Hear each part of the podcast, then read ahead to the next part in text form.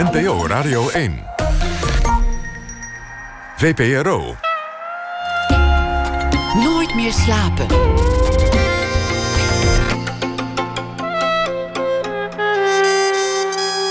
Met Pieter van der Wielen. Goedenacht en welkom bij Nooit meer slapen. Stateloosheid gaat het over. Fotograaf Anouk Stekete die gaf een gezicht aan de mannen en vrouwen zonder land. U hoort dat na ene. Gaan we het ook hebben over seks en vrouwen. Maartje Laterveer schreef daar een boek over. Persoonlijk en ook urgent. Monier Samuel geeft uh, zijn eigen kijk op het nieuws van de afgelopen dag. Maar we beginnen komend uur met niemand minder dan Angela Schijf. Ze was vier jaar oud toen ze al uh, in een commercial speelde. Op haar zestiende brak ze door. Hing zo aan de wand van menig tienerkamer met een rol in de razend populaire serie Goede Tijden, Slechte Tijden. Daarna speelde ze in uh, vele films. Costa, ik ook van jou, van God Los, de Eetclub. Ze is uh, op tv te zien, tot op heden in de serie Flikken. Ze deed ook heel veel theater. Ze woont al jaren in Antwerpen. En nu komt het. Vanaf volgende week is ze weer in het theater te zien met een voor haar bijzondere voorstelling. Namelijk samen met uh, de bekroonde kinderboekenschrijver Imme Dros schreef ze een tekst. Gebaseerd op de vier jaargetijden van Vivaldi. Met muziek en woord worden kinderen attent gemaakt op de schoonheid van de klassieke muziek. De persoonlijke betrokkenheid van Schijf bij dit project blijkt ook uit het feit dat ze zelf de productie voor een groot deel uh, ter hand heeft genomen. Angela Schijf die werd geboren in augustus 1979 en ze werd geboren in Uithoorn. Welkom. Dankjewel. Dit, dit is voor jou een bijzonder project, hè? Met, met Vivaldi. Dit, dit, uh, dit, dit, wilde jij heel graag dat dit ging gebeuren. Absoluut, ja. Dit uh, komt echt uit mijn tenen en ik heb het zelf geïnitieerd ook om dit, uh, dit te gaan maken. Waarom wilde je dat zo graag? Um, het is eigenlijk ontstaan omdat ik als actrice werd gevraagd om een vertelconcert te doen voor kinderen ook bij het balletorkest. Eerder nog, toen het zelfs Holland Symfonia heette, hebben we de Notenkraker, het Zwanenmeer gespeeld. Het was fantastisch, 60 man orkest op een toneel. Uh, en de laatste keer bijvoorbeeld dat we de Notenkraker in haar uh, reprise namen, speelden we dat twee keer in het muziekgebouw in het ei. En dat was vol en dat was fijn en dat was uh, te gek. En dat was het. Toen dacht ik, hè? Nu sta ik twee keer in Amsterdam. Terwijl iedereen moet toch deze schoonheid kunnen ervaren. We moeten het land in. We moeten alle kinderen van Nederland dit laten horen. Want ik was zelf eigenlijk... Ja, ik werd echt verliefd op, uh, op, die, klassieke, op die klassieke muziek. En, en op het uitvoeren daarvan. Op, om die mensen echt dat te zien bespelen. Dat vind ik heel belangrijk. Dat, dat we dat laten zien. Nu ook in mijn theaterstuk nu. Um, ja, dat, dat was het eigenlijk liefde op het eerste gezicht. Ik herinner mij dat ik in een van die voorstellingen op een brug lag, echt boven het orkest. En dan voel je die vibraties van de instrumenten. Ja, dat was magisch. Ik had dat nooit zo meegemaakt. Ik ben helemaal niet opgegroeid met klassieke muziek. Werd dat thuis niet gedraaid? Je, je ouders die luisterden daar niet naar? Nee, nee, nee. We hadden niet een, een, een heel erg uh, cultuurbeminnend uh, nest, nee. Wat was er wel thuis? Aan, aan, aan cultuur, muziek. aan muziek. Wat, nee, nee, wat... nee, weinig. Een hardwerkende vader, een moeder die thuis was. Heel eenvoudig, eigenlijk. Uh, en um, ik denk dat mijn ouders misschien pas op, op latere leeftijd... en ook toen ik uh, ging werken en, en met televisie en theater... in aanraking kwam, uh, meer zijn gaan kijken en ervaren. Maar voor jou was het, was het samenwerken met een orkest... En, en dat, dat echt van dichtbij meemaken, het voelen, het, het, het, het horen en zien hoe dat tot stand komt daar. Dat was zo'n magische ervaring. Je dacht, ik, ik wil daar meer mee doen. Ja. En ja. eigenlijk ook bijna als een, uh, in, een, in een verkopende rol naar, naar die kinderen. Van, jongens, uh, dit ja, is dat, dat, dat, is, dat is wel een, een, een kleine wens natuurlijk. Dat, uh, dat kinderen hiermee in aanraking komen. Omdat ik ook vind dat, een, dat het een beetje onder het stof vandaan moet komen. Het zit natuurlijk soms in een vrij niche groep. En ik, terwijl, waarom? Het hoeft niet. Het is gewoon mooi. Het is ook heel vrolijk. Het is, het is, het is wat het is. Maar geef het een kans om, uh, om ook dat te ervaren. Um, en die componisten waren voor een deel zelf kinderen. ja. In het geval van Mozart bijvoorbeeld. Ja, dat is zeker waar. En het is de basis van alle muziek die volgde ook. Hè? Eigenlijk. Ik bedoel, ik vind het ook heel belangrijk dat kinderen de Beatles en Ed Sheeran en weet ik veel wie allemaal uh, leren kennen. Hè? Maar um, ja, ik vind dit mooi, ik wil dit delen. Je hebt zelf, zelfs je eigen spaargeld uh, erin gestoken. Ja, ja, dit is echt, echt een gevalletje uh, van een droom en een, een, een partner daar ook in vinden die dezelfde droom heeft. En voor ik het wist, had ik gewoon een eigen bedrijfje opgericht. En nou, nu ben ik aan het repeteren met die muzikanten. En nu gaan we volgende week het theater in. Bijna, ja, zo'n effect dat het je een beetje overkomt. Terwijl ik natuurlijk overal de controle. Terwijl je het zelf geïnitieerd hebt. Maar, maar nu, pas, nu pas zie je wat je in gang hebt gezet. Ja, een beetje wel. Ja, dat, ja, dat is nu het echt zo dichtbij komt. Uh, vind ik het heel spannend en, en stiekem ook wel een beetje stoer. Dat ik denk, jeetje, deze mensen staan hier. En ik speel met hen. Uh, omdat ik dat wil. Dat is een heel ander gevoel natuurlijk dan hoe ik normaal werk. Want dan word je als actrice gevraagd en ben je veel meer uitvoerend. Nu speel ik ook hè, op dat toneel. Maar ik moet over iedere spijker die in dat decor geslagen wordt, beslis ik mee. En uh, nou ja, van alles, van haven tot gort. Ik weet, ik weet alles, ik voel alles, ik doe alles. Ik, ik adem deze voorstelling. Je hebt zelfs een, een bedrijf opgericht om de productiemaatschappij te kunnen zijn hiervan. Ja. Een, een nieuw productiekantoor erbij. Samen met uh, Joris Nassenstein, een, uh, een, gekende naam in de productionele hoek van klassieke muzikale theatervoorstellingen. Um, ja, we zijn een goed team, denk ik. Ik ben benieuwd naar de voorstelling, maar laten we even teruggaan naar die, die jeugd. Je zei ik had een hardwerkende vader. Waar werkte die zo hard aan? Wat deed hij? Hij had een eigen bedrijf. Een elektrotechnische handelsonderneming. Een elektrotechnische handelsonderneming? Ja, dat heb ik uit mijn hoofd geleerd als kind. Wat doet je vader? Hij, elektro... maakte, ja. ja. hij maakte elektrische installaties in huizen, nieuwbouw, uh, whatever. Ja, directeur was hij daarvan. En wat, wat was het verder voor gezin? Hoe zou je dat typeren? Het liefdevol. Um, mijn moeder, uh, die echt om half vier met thee en koekjes klaar zat. En, uh, Je moeder werkte niet? Nee, nee. Zij was thuis voor ons. En om half zes het eten. Ja, heel, uh, heel gestructureerd. open armen, warm bad. Dat soort dingen. En op je vierde, dat is echt waar, hè? zat je al in een, in een reclamefilmpje. Ja, dat zou best kunnen, maar ik weet nu even niet meer voor wat dat precies was. Maar ja, dat, dat ging spelen naar wijs. Een vriendin van mijn moeder werkte bij een reclamebureau en ik had leuke pijpenkrullen. En uh, dan hadden ze een keer zo'n kindje nodig. En van het een kwam het ander. En ik vond het ook altijd heel erg leuk om ja, hele gekke dingen te doen. Dan ging ik een reclame maken voor Dreft en dan drie dagen naar Brussel. En dat was echt een uitje. Ik genoot daarvan. Ik vond dat leuk om te doen. Zo jong al? Omdat dat je een mooi kindje was en er kennelijk goed in was, veel mee te werken? Ja, ja, ja, ja dat, dat zal uh, misschien wel. Ja, ik was heel uh, meegaand en ik vond het leuk om, om te leren, om mensen te ontmoeten. Is dat ook hoe je later terecht bent gekomen bij, bij GTST? Ja, wel toevallig. Dat, dat uh, gebeurde eigenlijk op dezezelfde manier. Het was het lag niet in de lijn der verwachtingen dat ik. Uh, ik wist niet eens dat het bestond dat je actrice kon worden, bewijs van spreken. Hè. Ik, dat, dat was gewoon niet in vragen. Ik uh, worstelde mij door natuurkunde en scheikunde om geneeskunde te gaan studeren. Dat was je eigenlijke plan? Ja, ja. Ik wilde echt dokter worden. Wat ja. voor dokter, wat, wat, had je dan willen doen? Het liefst tropenarts. nou, dat is ook een mooi beroep. Ja, absoluut. Absoluut. Een heel belangrijk beroep ook. Ik denk dat het bij mij misschien wel het meeste ingegeven was dat ik gewoon heel graag wilde helpen. Ik kon heel slecht tegen het leed van de wereld. Um, maar toen kwam Goede Tijden op mijn pad. Toen was ik pas 15. Um, en dat begon als een hobby. Wil je dat doen? Och ja, leuk. Je zag eigenlijk niet in dat het, dat het iets heel groots was. Nee, heb niet over nagedacht.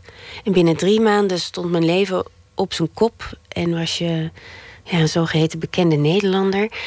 Uh, klampten mensen zich aan je vast op straat, stond je in de blaadjes. Uh, heel gek. Dat rustige leventje was op slag verstoord. Uh, ja, ja, dat. ik wens het mijn dochters niet toe. Moet Want ik in, zeggen. in die tijd, dit kan ik me goed herinneren, keken er, wat was het, 3 miljoen mensen elke dag naar goede Ja. tijden, slechte tijden. Ja, het was heel populair. En ehm, ja, god, je komt natuurlijk iedere dag bij mensen in de huiskamer. Dus dat gaat ook heel snel.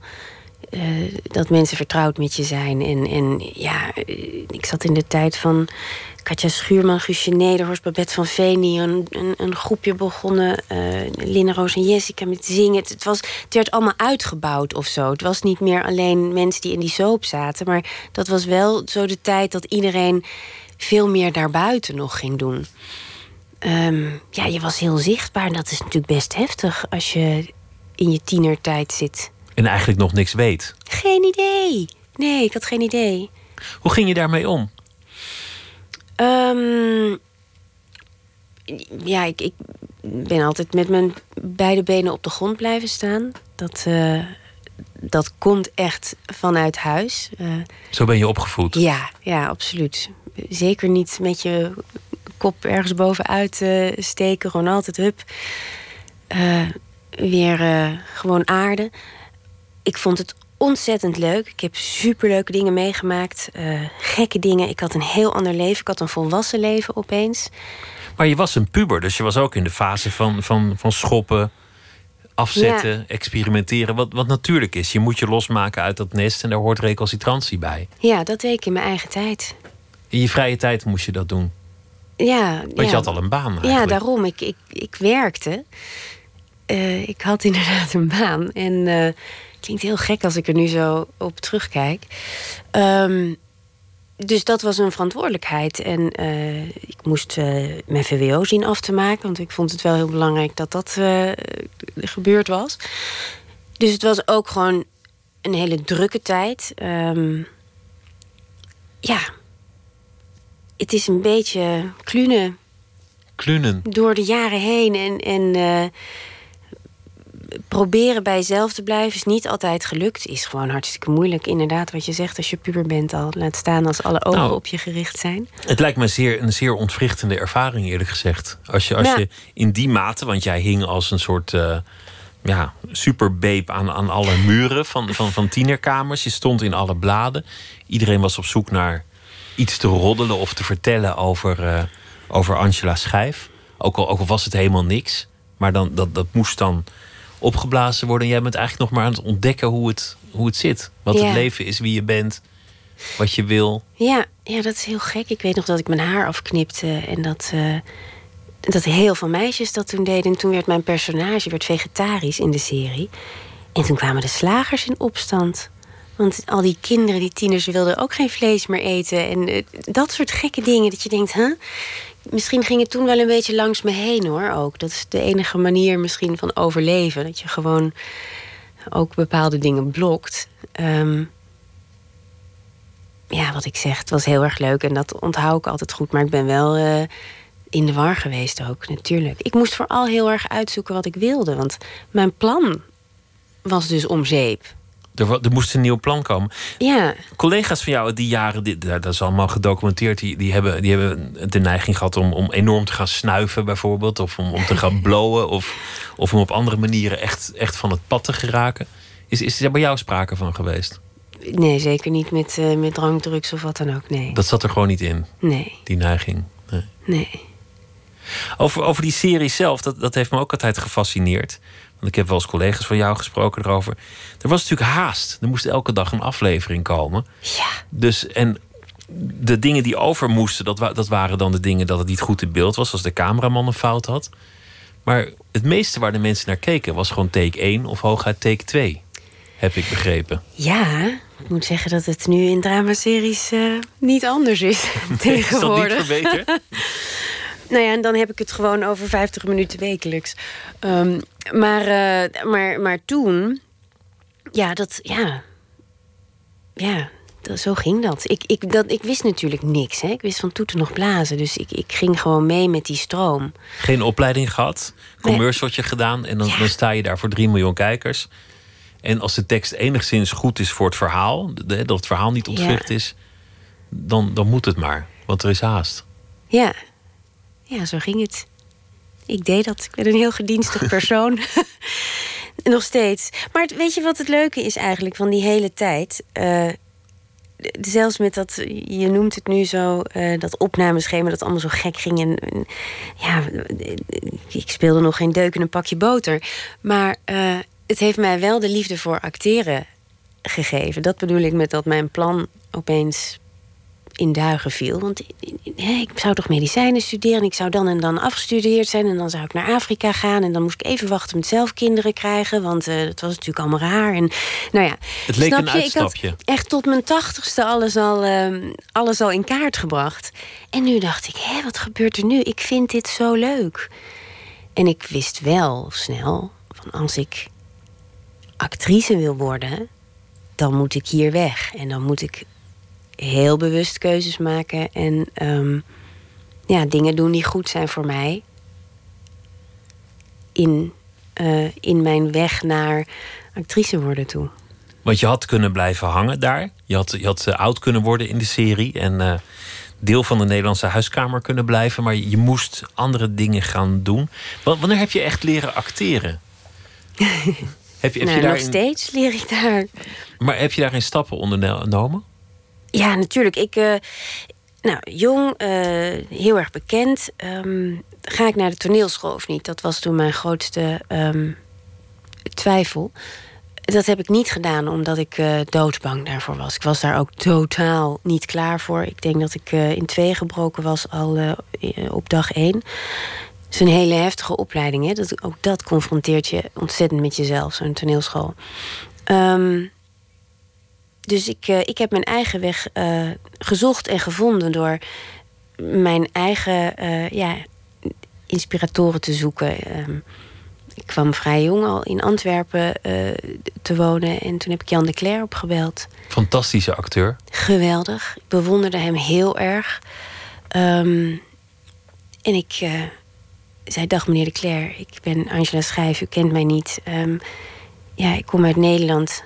Ik denk niet dat ik durfde te zeggen, ik ben actrice. Ik zei waarschijnlijk, ik doe iets op televisie... of ik ga, ik ga een toneelstukje doen. Maar wilt u mij lesgeven? Toen heb ik drie weken lang met hem...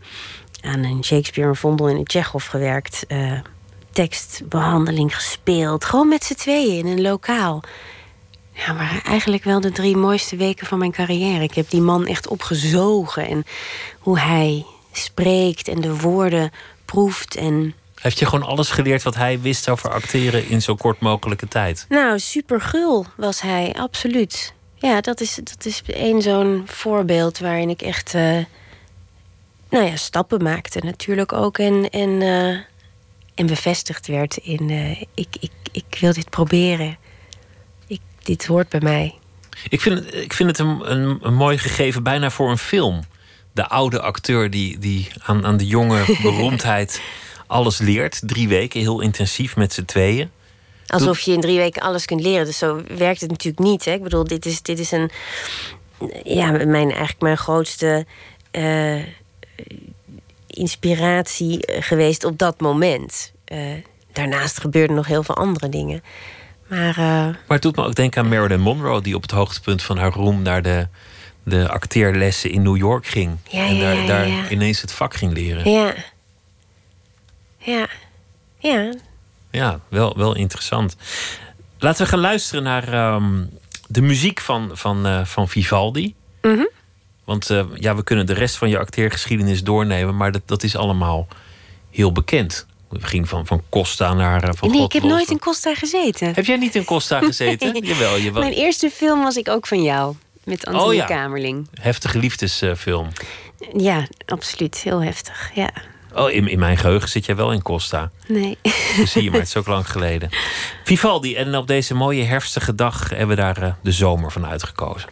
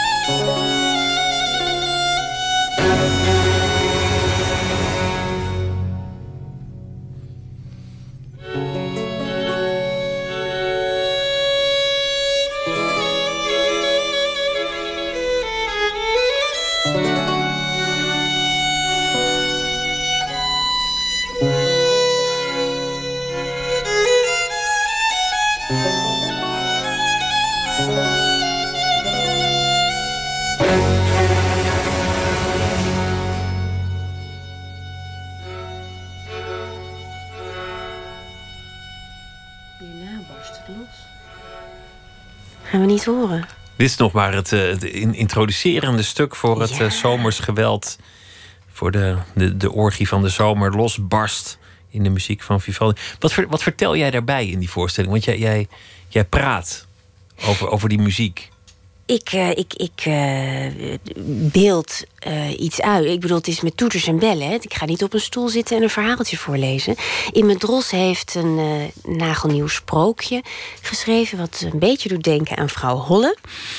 Um, het gaat over twee zusjes die in dat land van vrouw Holle terechtkomen... en door de seizoenen heen gaan. Het ene zusje is heel ijverig, werkt hard, voert alle opdrachten uit die ze voor zich krijgt. Het andere zusje is wat luier, maar heeft een slimmigheidje af en toe om de dingen sneller op te lossen. Um, dat is mijn rol. Het vertellen van dit verhaal, dit, dit, dit sprookje rond die muziek. Ja. Ja. En intussen wordt die muziek ook nog ja, live ten gehore gebracht. Acht jonge muzikanten die, die spelen, die meebewegen, die de donder zijn, uh, die storm creëren, uh, die de broodjes in de oven zijn die ik eruit moet halen, uh, omdat ze, dat ze bijna verbranden. ja, dit klinkt nu allemaal heel. ik zit natuurlijk zo in dat verhaal. Het is voor mij dan gesneden koek om het over broodjes uit de oven te, te hebben, maar het gaat over. ja, wat hoort bij de seizoenen. Zo heeft Vivaldi het ook geschreven. Wat heel leuk is eigenlijk. Hij uh, wilde gekke dingen doen met muziek. En in zijn tijd waren er heel veel regels en wetten om mooie muziek te maken. Um, en toen dacht, ik, toen dacht hij, ik moet er iets anders mee. Ik ga programmamuziek schrijven. Want dat is een soort vrijbrief om uh, te experimenteren. Maak ik eerst gewoon vier sonnetjes. Daar schrijf ik al mijn associaties in bij die jaargetijden, bij die seizoenen. En die ga ik dan vertalen naar muziek. Dus als jij een keer een lelijke hoort, dan hoeft niemand daarover te klagen. Want dan kan ik, Vivaldi, gewoon zeggen: ja, maar dat stond in mijn sonnetje. Dat is gewoon een blaffende hond. Snap je? Dus het schuurt heel erg zijn, zijn muziek, hoe mooi het ook is. Hè? Maar het, het, het heeft hele gekke, gekke energie. Het kan heel vurig zijn. Uh, ja, ik hou daarvan. Het, het vertelt al een verhaal op zichzelf. En de man heeft honderden stukken geschreven. Ja. Onvoorstelbare productie veel, gehad. Uh, vioolconcerten ook nog, veel meer. En, ja. Heb je het op je eigen kinderen uitgeprobeerd? Wat je, wat je allemaal te doen staat? Ben je ook meteen met je eigen kinderen aan de slag gegaan om ze de, de klassieke muziek bij te brengen? uh, ja, nou, ik vind het zelf heel jammer dat ik geen instrument kan bespelen. Dus dit is een beetje mijn goedmakertje. Um, en ik uh, vind het wel dus heel belangrijk dat de kinderen dat aangereikt krijgen. Uh, nu heb ik er één, die zit gewoon liever op een paard. Maar uh, de middelste heeft zelfs veel talent. Die uh, zit op de vooropleiding van het conservatorium. En die heeft als eerste instrument piano en tweede instrument cello.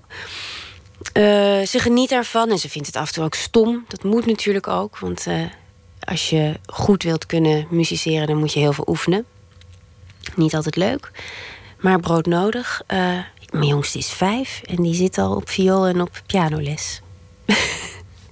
Je woont al, uh, al relatief lang in, in Antwerpen, al Ja. 16 jaar of, of iets. Mhm. Vanwege de liefde daar naartoe gekomen. Mhm. En, en sindsdien heb je, ja, ben je gevestigd in Antwerpen, maar jouw werkende leven speelt zich nog steeds voor een heel groot deel in Nederland af. Klopt. Hoe, hoe bevalt het je nu in Antwerpen? Hoe, hoe, uh, hoe Belgisch ben jij inmiddels? je hebt wel een Belgisch paspoort. Ja, ja de twee. Uh, een Belgisch paspoort en een Nederlands paspoort. Um, het bevalt mij uh, zeer goed. Ik wortel daar eigenlijk vooral sinds ik moeder ben. Dus als nu de kinderen hun, hun weg vinden, voel ik mij ook meer thuis. Um, maar ik ben en blijf een Hollandse. En ik, ik kan ook niet zonder Amsterdam. Ik merk dat ik, dat ik de stad en, en de mensen mis als ik heel lang in België ben. Um, maar ik vind België ook heerlijk. Best of both worlds eigenlijk. België is echt mijn thuisland. Ik kan geen lettertekst leren. Als ik daar ben, dan ben ik gewoon met de kinderen bezig. En, uh, dan is dat je leven. Dan dus is dat mijn leven, ja. Dus werk is, is een beetje een afgesloten bestaan. Dan repeteren, dan zit je. Ja, het werkt heel gefocust ook. Hè? Het is eigenlijk heel, uh, heel prettig wel. Om, om, ja, ik kan nu gewoon echt 24 uur per dag hiermee bezig zijn. Um, en morgenavond ga ik naar huis en dan moet ik al die wassen draaien die zijn blijven liggen. Nou ja. Maar als, als je er bent, dan ben je, ben je daar helemaal volledig. Probeer ik wel, ja. Antwerpen is, ik bedoel, het is, mensen denken vaak van, nou ja, oké, het is een, een, een, beetje een soort Nederland, dat België, maar het is wel echt een ander land. Ja. Met een andere cultuur, andere gebruiken, ja. andere woorden. Ja, het, het, het is een kleine instinker, hè, want we spreken nagenoeg dezelfde taal. Um, maar wij zijn zeker niet uh, dezelfde personen. Nederlanders en Belgen verschillen echt. We hebben echt een andere culturele achtergrond. Andere gebruiken, andere gewoontes, andere manier van doen. Het zijn hele kleine dingen. Ik kan zelfs geen goede voorbeelden noemen. Maar ik, ik kom het nog dagelijks tegen. Ook met mijn man, waar ik al uh, zoveel jaar naast leef. Ja. Dat hij, dat hij toch uit een ander land komt, in een andere cultuur. En, uh, ja. ja, het zijn heel veel kleine dingen die, die wezenlijk anders zijn. Ja, echt. wat, wat mij bijvoorbeeld laatst opviel, is dat veel Belgen heel, heel zacht gaan praten wanneer het belangrijk wordt.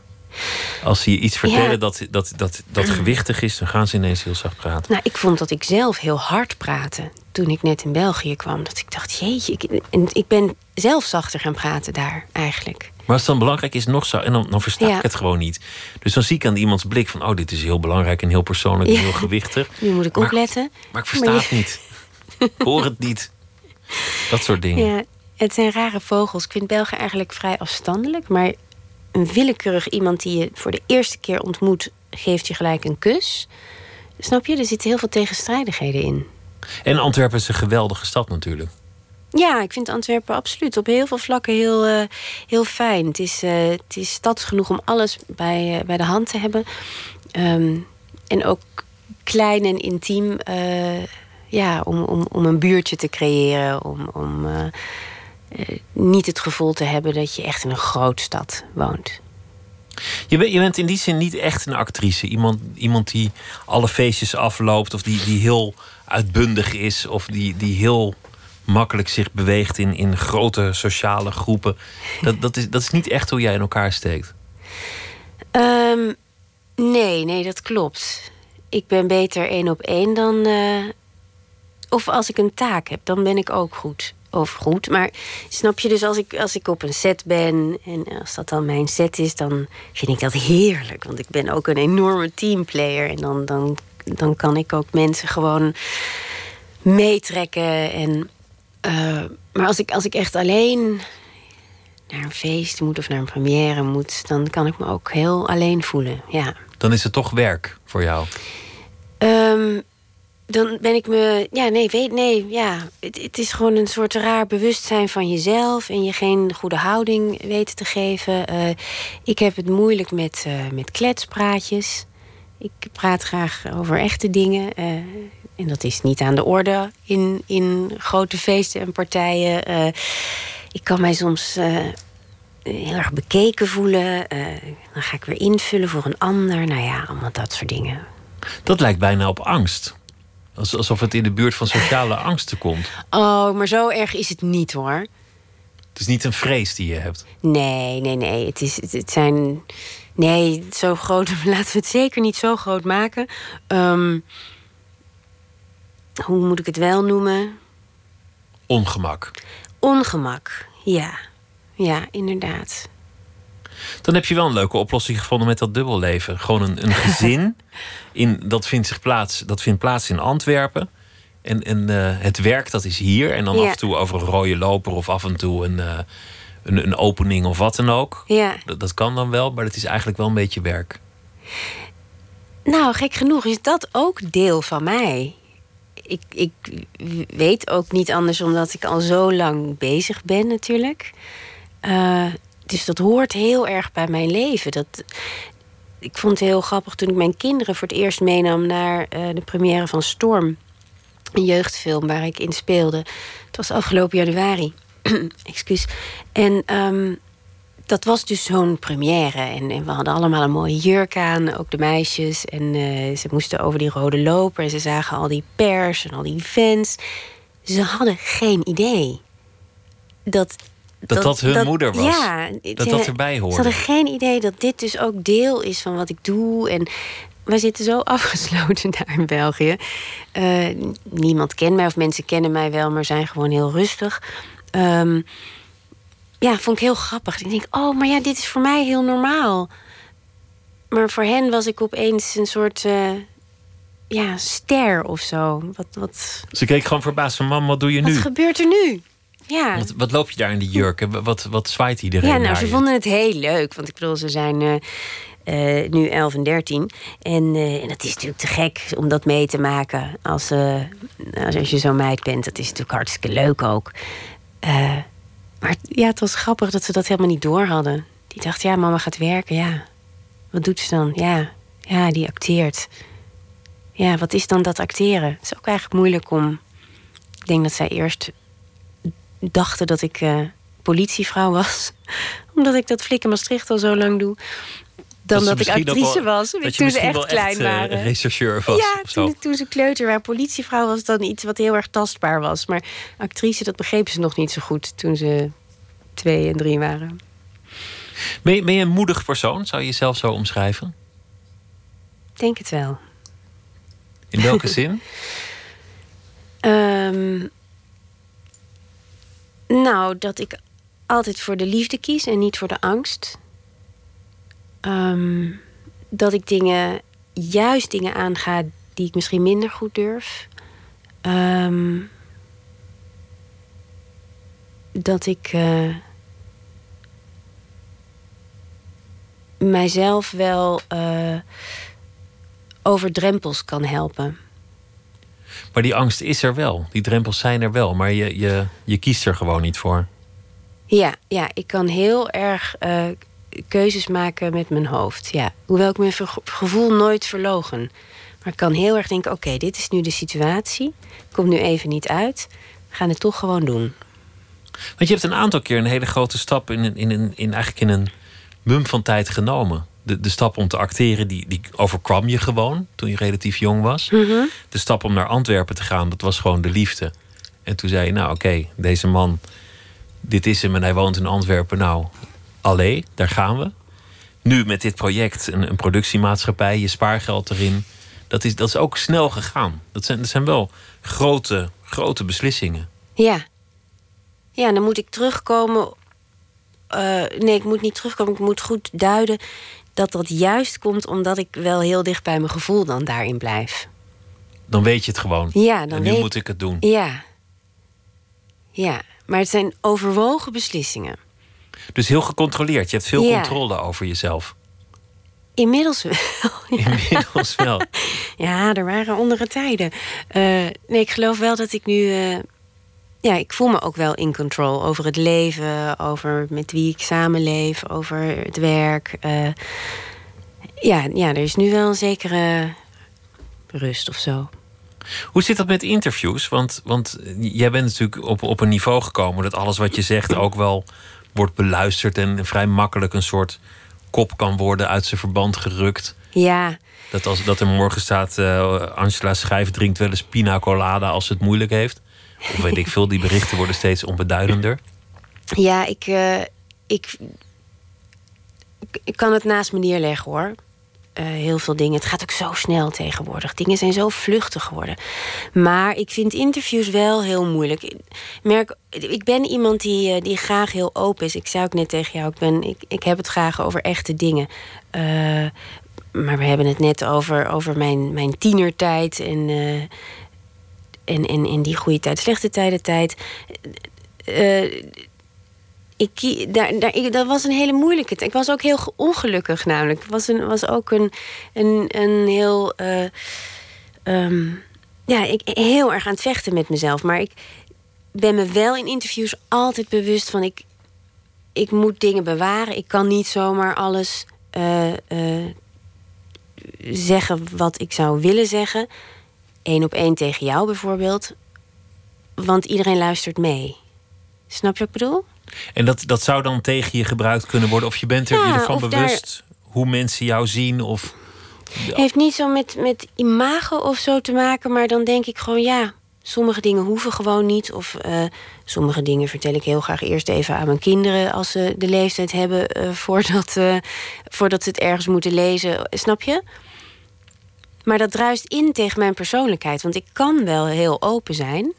Maar in een interview denk ik altijd: oh ja, maar ik moet niet vergeten. Even, even controleren dit. Eventjes uh, even voor ja. je houden. Ja, daar komt wel weer een beetje die, uh, die controle naar, uh, naar boven. Maar dan, dat, ja. Dan ben ik heel nieuwsgierig op, op, welk vlak het zich bevindt. Wat, wat, het, wat het is dat je dan aan je kinderen zult vertellen voor je het, voor je het anderen vertelt. dat is gewoon bij nou, nieuwsgierigheid. Nou, dat, dat, dat is nu gewoon het deel wat me dan even nu te binnen schiet. Hè. Er zijn heel veel dingen. Uh, uh, ik hoop dat je dingen met je kinderen deelt die je niet met mij deelt, natuurlijk. Ja, ja, ja. Nee, nee, ab, nee, absoluut. Nee, daar gaat het soms ook niet over. Maar ik vind het een heel moeilijk um, midden om jezelf te laten zien als uh, bekende persoon. Um, en ook uh, jezelf te behouden.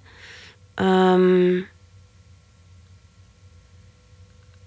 ja, nu rijd ik mezelf vast. Ik vind het lastig om dit uit te leggen.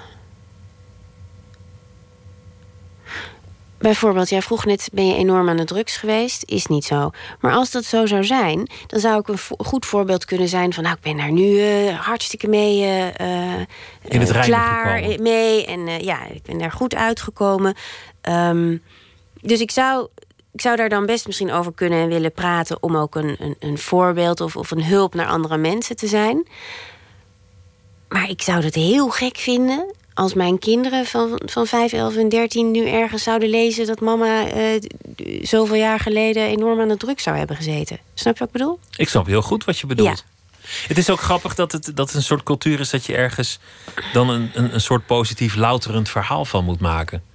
Je kunt wel zeggen dat, dat je iets, iets hebt meegemaakt. Nou ja, uh-huh. noem, noem dit fictieve drugsgebruik. Ja. Maar, maar dat kun je dan eigenlijk alleen maar zeggen als je dan zegt. Maar ik ben er sterker uitgekomen en nu ben ik een baken voor mensen die worstelen. Je kunt nooit een keer zeggen: Ik ben heel erg aan de druk geweest. Uh, iemand nog, nog vragen. ja. ja. Nou ja, waarom zou je het niet zeggen? Ik, ik heb er namelijk heel veel bewondering voor als mensen het wel doen.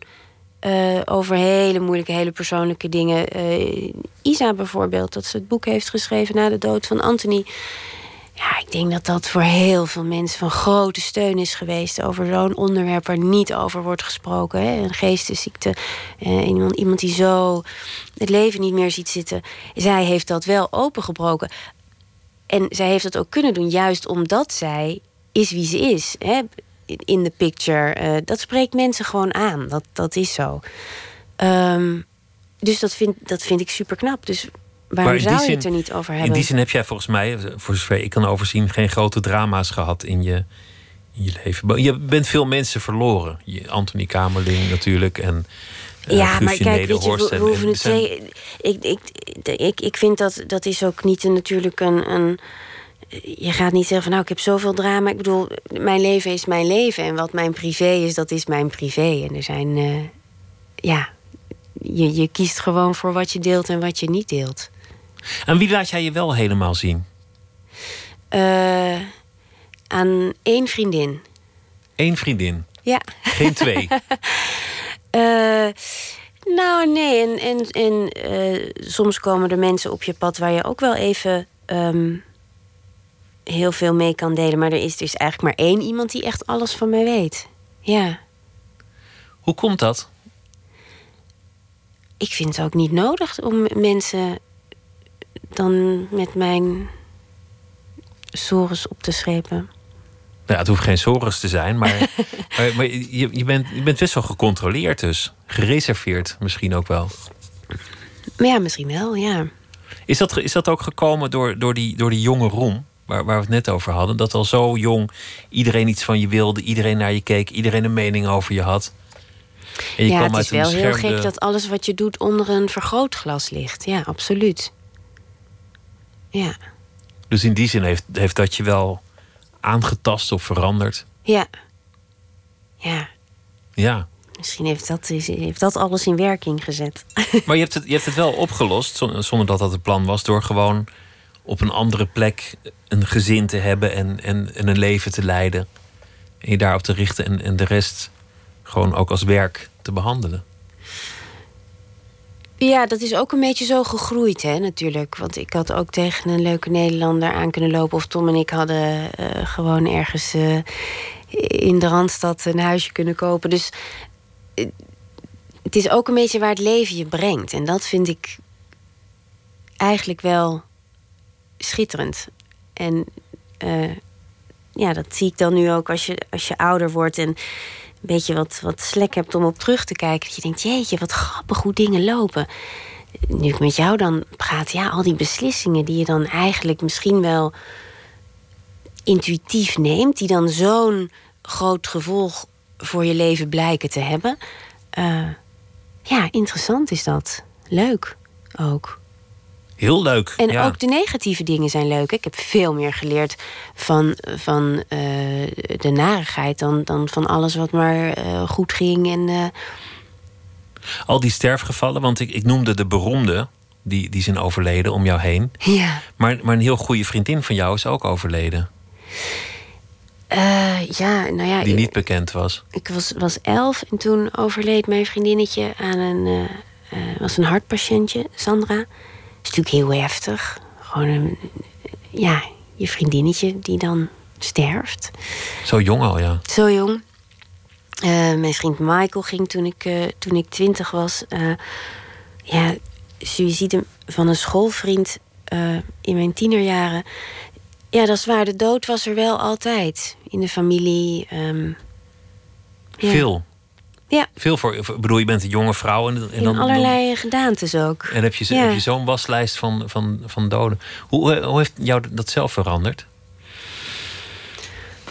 Nou, toen ik nog wat minder uh, stabiel was, heb ik wel eens gezegd... het lijkt wel of het allemaal aan mij ligt. uh, ja, het heeft mij eigenlijk het leven doen vreten. Het heeft meer urgentie gekregen. Ja, ik, ik ben mij. Het klinkt heel gek, maar ik denk echt iedere dag wel een keer. Oh, dank je. Dat iedereen weer gezond in zijn bedje ligt. Wat een leuk werk heb ik toch. Ik ben heel dankbaar. Eigenlijk voor alles wat er gebeurt. Maar een dankbaarheid waar een soort dreiging achter zit. Van, van nou ja, elk moment kan, uh, kan de grote hamer vallen of kan er, kan er iets, uh, iets gebeuren waardoor het anders is. Nee, zo probeer ik niet te leven. Want je hebt het niet in de hand. Let's cross that bridge when we get there. Ja, dat is ook weer zo. Ja. Zullen we gaan luisteren naar Nina Simone? Want uh, die oh, maakte dat in... vind ik leuk. Ja, daar hou ik ook van. Dat is in 1967 een album. Nina Simone sings the blues. En dit nummer heet Backlash Blues.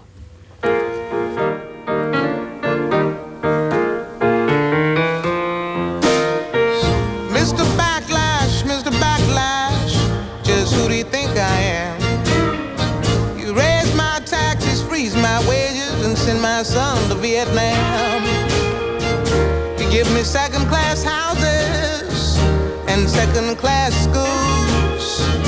Do you think that all colored folks are just second class fools, Mr. Backlash?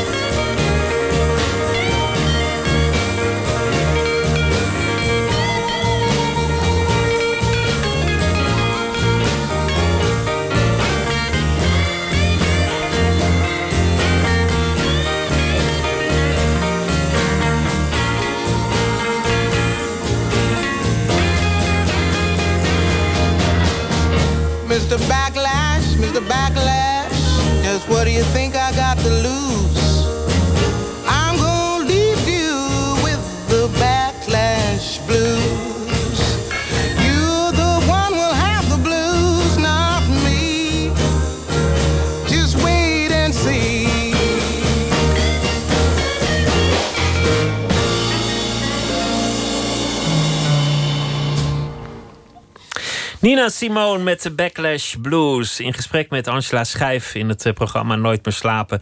We begonnen over Vivaldi naar aanleiding van de voorstelling. En Ze had een, eh, een samenwerking gedaan met, eh, ik geloof, de Muizenkoning met een groot orkest. En toen kwam ze erachter: dit is toch fantastisch, zo'n orkest. De Notenkraker. Ja. Het Zwanemeer. Dat was Peter en het. de Wolf. Peter en de Wolf. Maar de Muizenkoning komt ook nog. Ja, ik zit, een ik zit vol, eh, vol slordigheid in je, in je cv. Ik dacht dus ook dat jij in Costa had gespeeld. Ja, Daar, kan, da- da- daar, daar, hebben we eh, het niet meer over. daar, daar ging de avond de mist in. Ik dacht, hè, jij niet in Costa? Hoe hebben ze je kunnen missen destijds? Nou, ik heb gelukkig hele andere mooie films gemaakt. Ja, nee, daar, dat is natuurlijk ook zo. En Costa was ook wel goed zonder jou. Nou, zeg nog Ken- één keer Costa. Nee, nee we eh, houden op over, over, over, dat, over, die film, over die film Costa. Laten we dat doen. We hadden, we hadden het over, over wat je van jezelf laat zien en wat je niet van jezelf laat zien. En in ho- hoeverre je alles onder controle hebt in je, in je bestaan. Ja, ja. In hoeverre heb jij controle over je loopbaan? In hoe, hoe gepland is, is jouw carrière eigenlijk? Ehm, die komt op mij af met hele bewuste keuzes die ik maak. Toch wel, want als actrice ben je toch overgeleverd aan het ja, aanbod. tuurlijk. Dat bedoel ik met het komt op je af. Vierjarige tijden met Angela Schrijf is het eerste wat ik echt zelf initieer. Waarin ik eigenlijk mijn eigen werk dus ook creëer. Ehm, maar normaal is dat natuurlijk niet zo. Dan is er ergens een script van een film, van een serie, van een toneelstuk. En, eh, en dan word ik daarvoor gevraagd of dan doe ik daarvoor auditie. En dan moet je maar hopen dat er iets, iets leuks komt. Soms zeg je Ja. nee, en dan maar hopen dat er iets leukers komt. Ja, dat is heel moeilijk. Soms heb je helemaal geen, geen zicht op, eh, hè, op, op een volle agenda. Dan denk je, oei, die, die is nog, eh, nog best leeg. Maar dit project voelt toch niet goed, dus ik ga het toch afzeggen. Het is doodeng. Want ik heb wel vijf monden te voeden.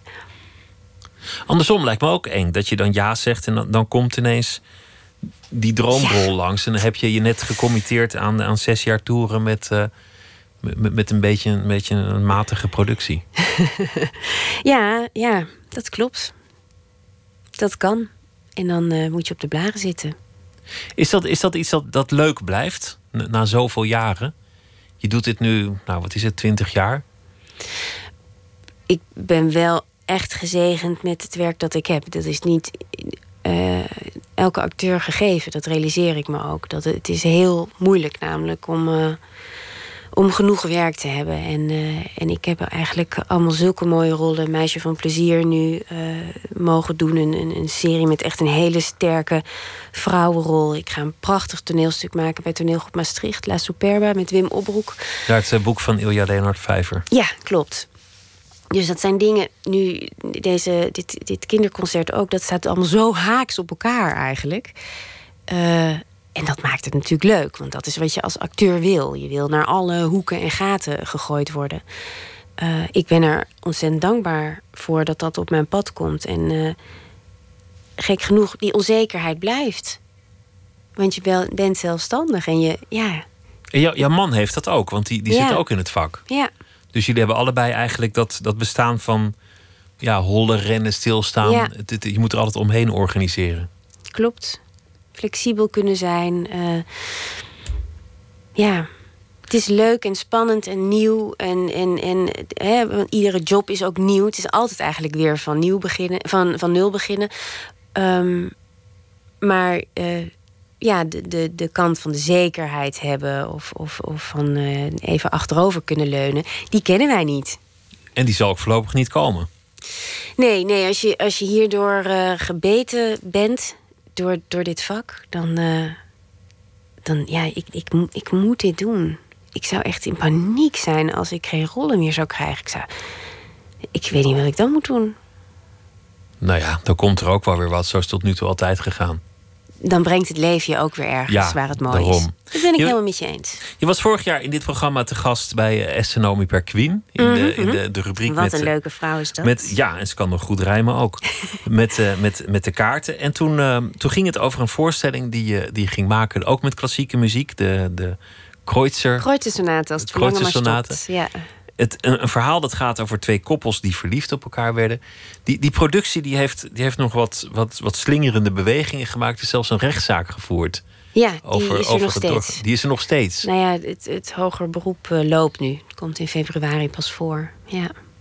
Het verhaal, zoals ik het in de krant las, was, was dat, dat het een beetje uit was gekomen. Dat, er, dat, dat een van de koppels een oog had gekregen op de andere koppels. En dat, dat eigenlijk het stuk ver- verliefdheid tussen twee koppels Ja, het werkelijkheid was geworden. ja, het is dat. Het, het, het van Tolstoy gaat heel erg over jaloezie. Eh, meer bepaald eigenlijk over ehm, de denkbeelden die de man heeft van zijn vrouw. eh, die helemaal geen relatie heeft. Maar hij denkt dat ze enorm aan het vreemd gaan is. En hij wordt zo zot van, van, van jaloezie, van wraak... dat hij eh, haar uiteindelijk vermoordt. Eh, Het drijft hem echt eh, tot het Een uiterste. waanidee dat hem, dat hem Ja. gek maakt. Ja, ja, en gek genoeg. ehm, eh, er is er bij ons een beetje hetzelfde gebeurd. Iedereen kan verliefd worden, hè? dat is helemaal geen schande en dat is ook prima. Er zijn helemaal geen stomende affaires geweest. Dat is dan ook nog het, het gekke. Maar ja, mensen kunnen dan toch niet verkroppen. Dat, dat wij. Wij wilden de, spanningen eigenlijk eh, uit de weg. Wij wilden niet je- meer jij, met. jij speelde met je man en samen met een ander koppel. Ja, Stonden ja, op het podium. klopt, ja. Twee stellen op het podium. Ja, dat was niet meer te doen. Want, Twee stellen in het echte leven, twee stellen in de voorstelling. Ja, ja en dat, de, de spanning liep gewoon zo hoog op. En dat was niet meer fijn spelen. Niet meer voor ons. was niet goed voor het publiek. Niet voor de mensen waar we mee werkten. Eh, backstage. Eh, dus wij wilden gewoon heel graag de Nederlandse tournee doen. Met andere muzikanten. We hadden het ook met andere acteurs kunnen doen. Maar ik kon mij niet terugtrekken. Want die voorstelling was op mij verkocht. Ehm, en dat is in het verkeerde keelgat geschoten. Toen zeiden zij, ja, maar jullie doen die voorstelling met ons... of jullie doen het helemaal niet. Dat werd de rechtszaak. Maar het begon Ja. erom dat er, dat er sprake van grote verliefdheid was. En, en die spanning die maakte het moeilijk om nog samen te werken. Ja. En de rechtszaak was van ja, kan je eigenlijk wel doorgaan zonder mij, want ik stond toch ook op de poster, et cetera. Ja, ja, dat idee. Ja. Ik vind, ik vind wat, mij aanspreekt in het verhaal is dat, dat eh, de werkelijkheid de fictie imiteert. ja, dat is eigenlijk ook heel bizar natuurlijk. Ja, Ik had een keer hier een acteur te gast en die moest spelen dat hij zijn vrouw betrapte op vreemdgaan met een andere acteur.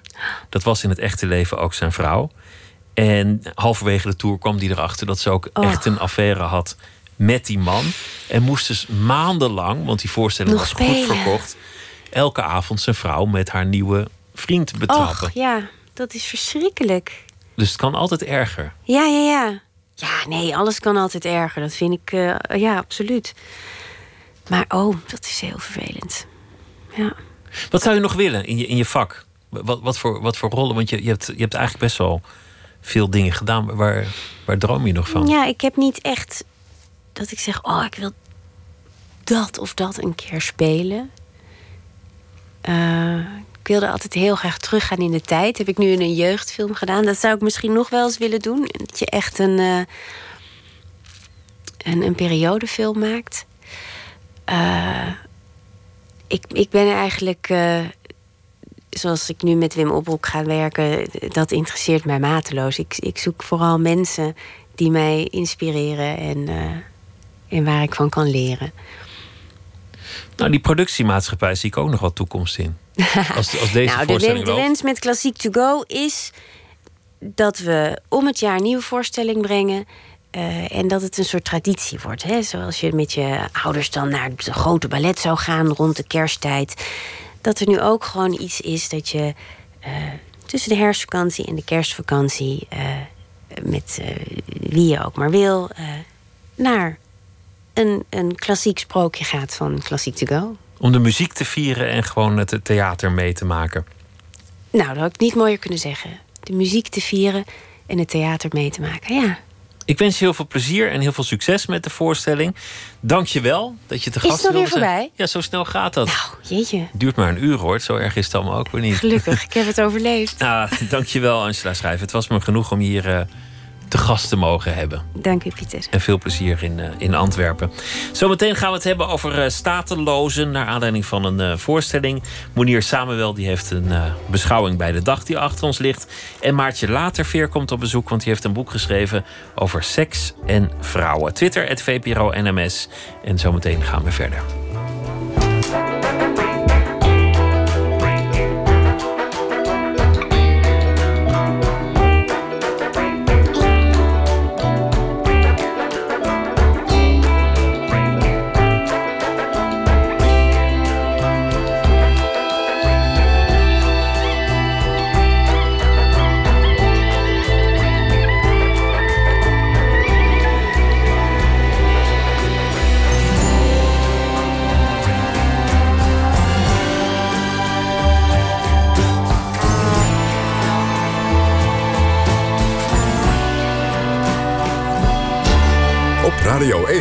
Het nieuws van alle kanten.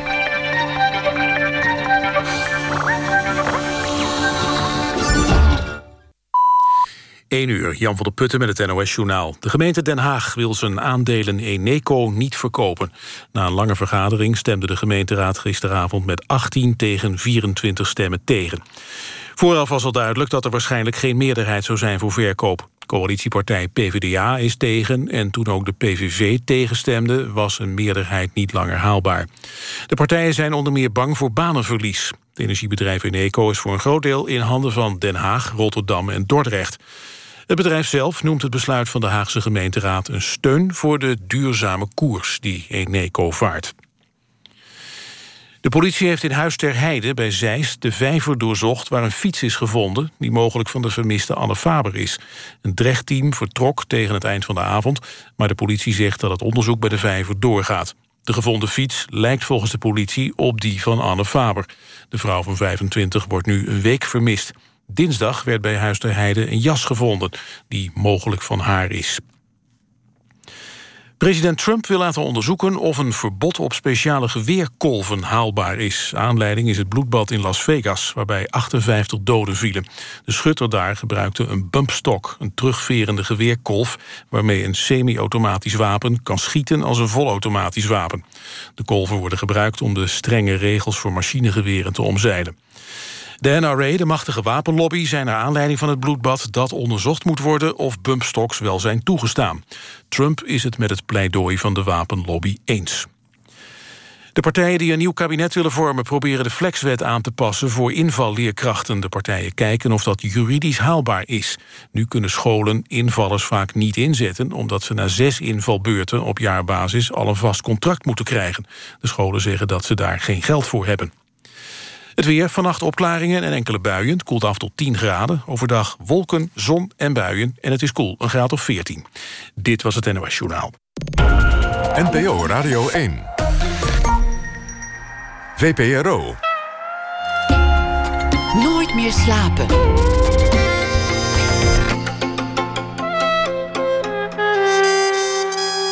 Met Pieter van der Wielen. Stateloosheid lijkt misschien een droog juridisch onderwerp. Er wordt dus ook niet veel over gesproken of geschreven. Het gaat om mensen die niet eens kunnen bewijzen in sommige gevallen dat ze bestaan. Fotograaf Anouk Stekete die heeft een aantal van die statelozen een gezicht gegeven. Zometeen een gesprek daarover. Maartje Laterveer die komt op bezoek. Zij heeft een eh, boek geschreven Vrouwen en Seks. En onder meer is zijn uh, grote tegenstander van het gebruik van het woord slet. Monier Samuel die schrijft een beschouwing bij het nieuws van de afgelopen dag.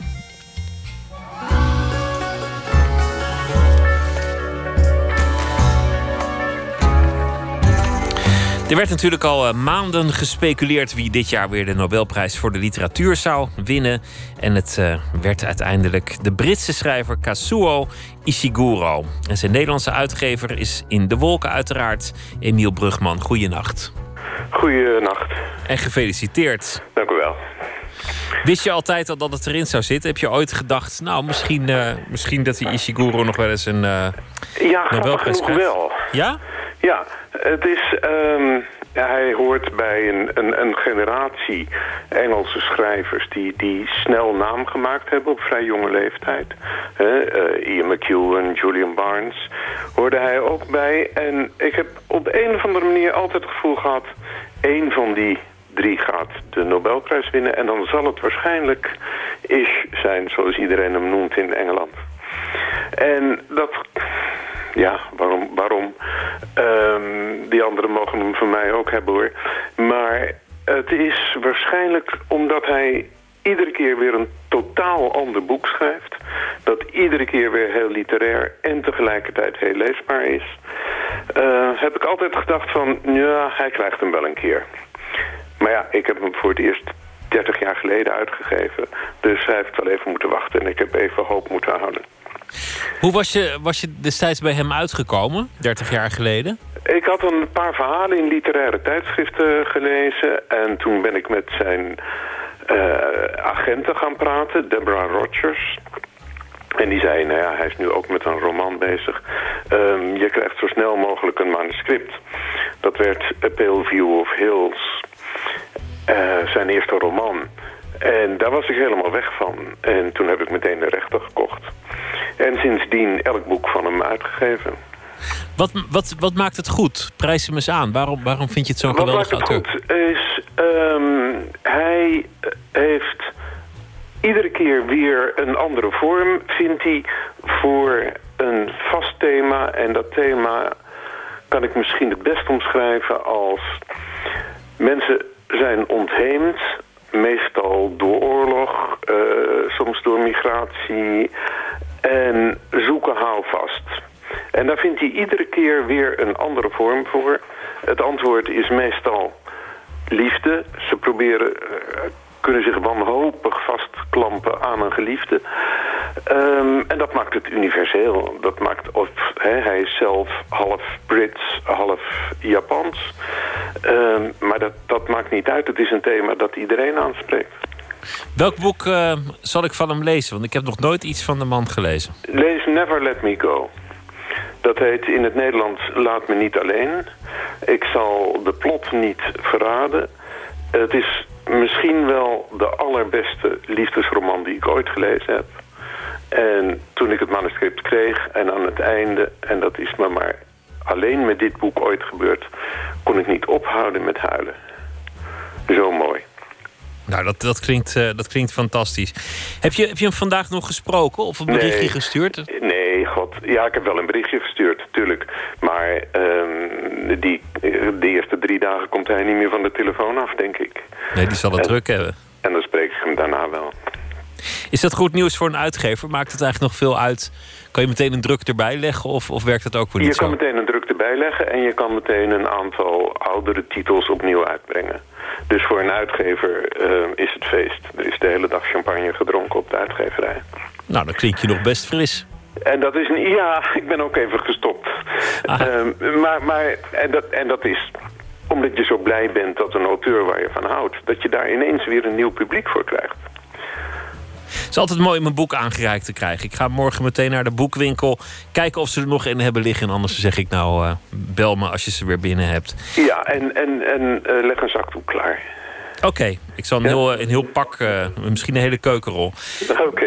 Dankjewel, Emiel Ja, Brugman. Goeienacht.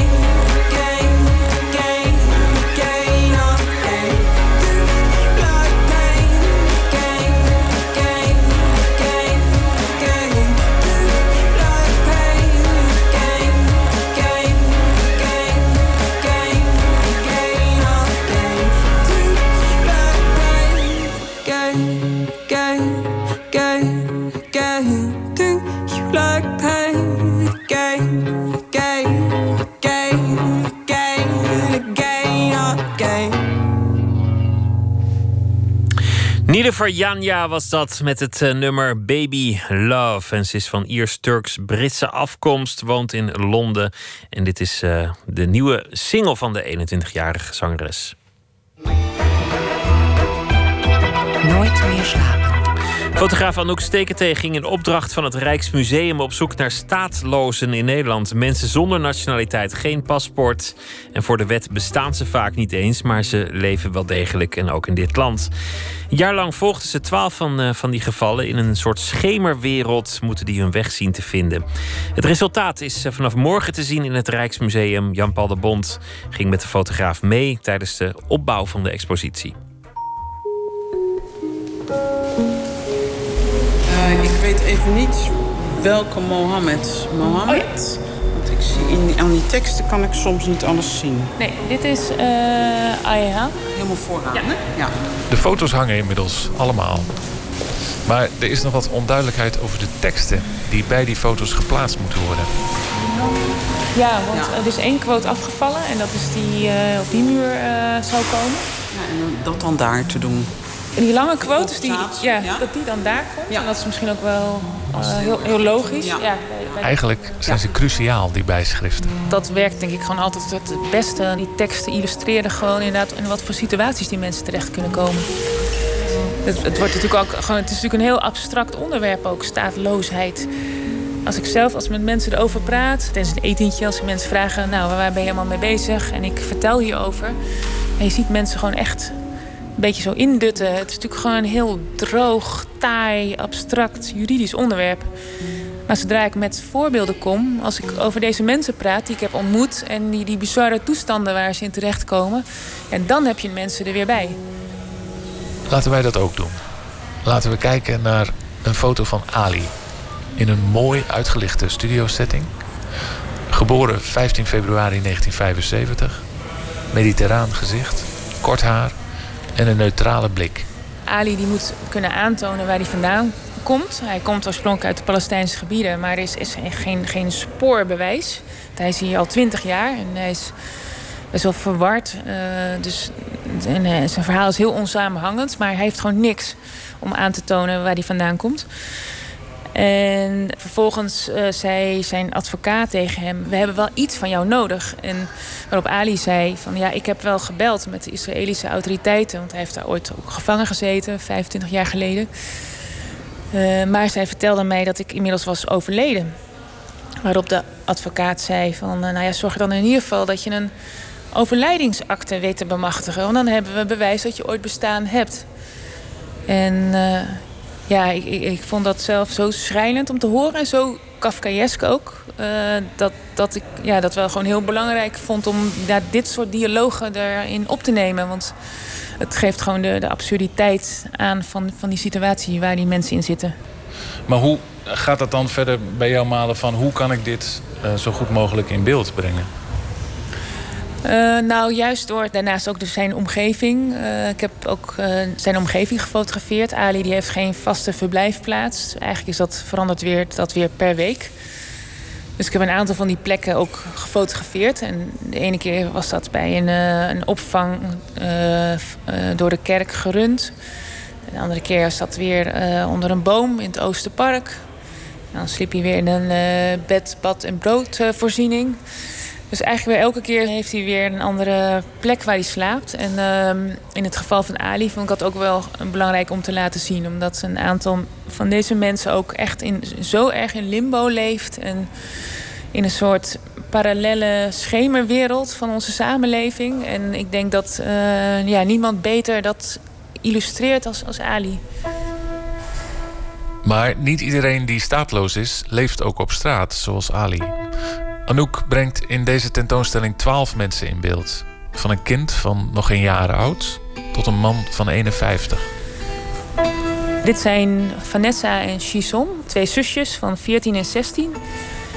En ja, zij zijn eigenlijk gewoon twee tieners, zoals alle tieners zijn. Eh, ze wonen in, in eh, Almere.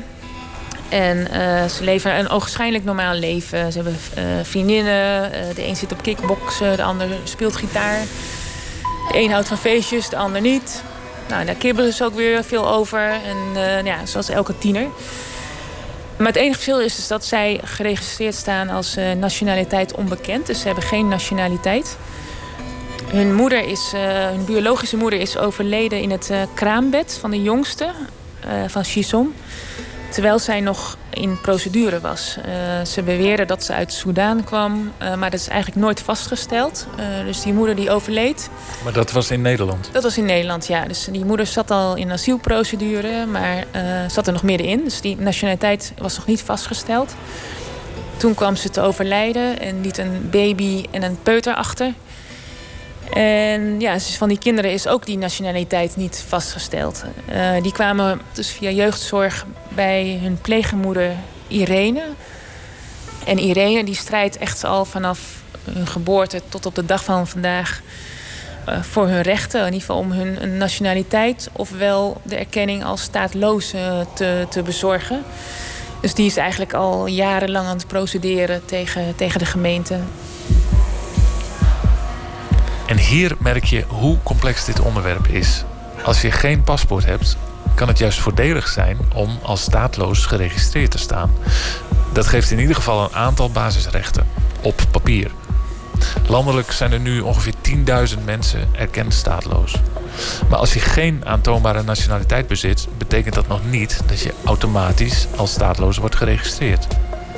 Vanessa en Chison bijvoorbeeld moeten kunnen aantonen dat het geboorteland van hun overleden moeder, waarschijnlijk Soudaan, hen beiden niet accepteert als Soedanees staatsburger.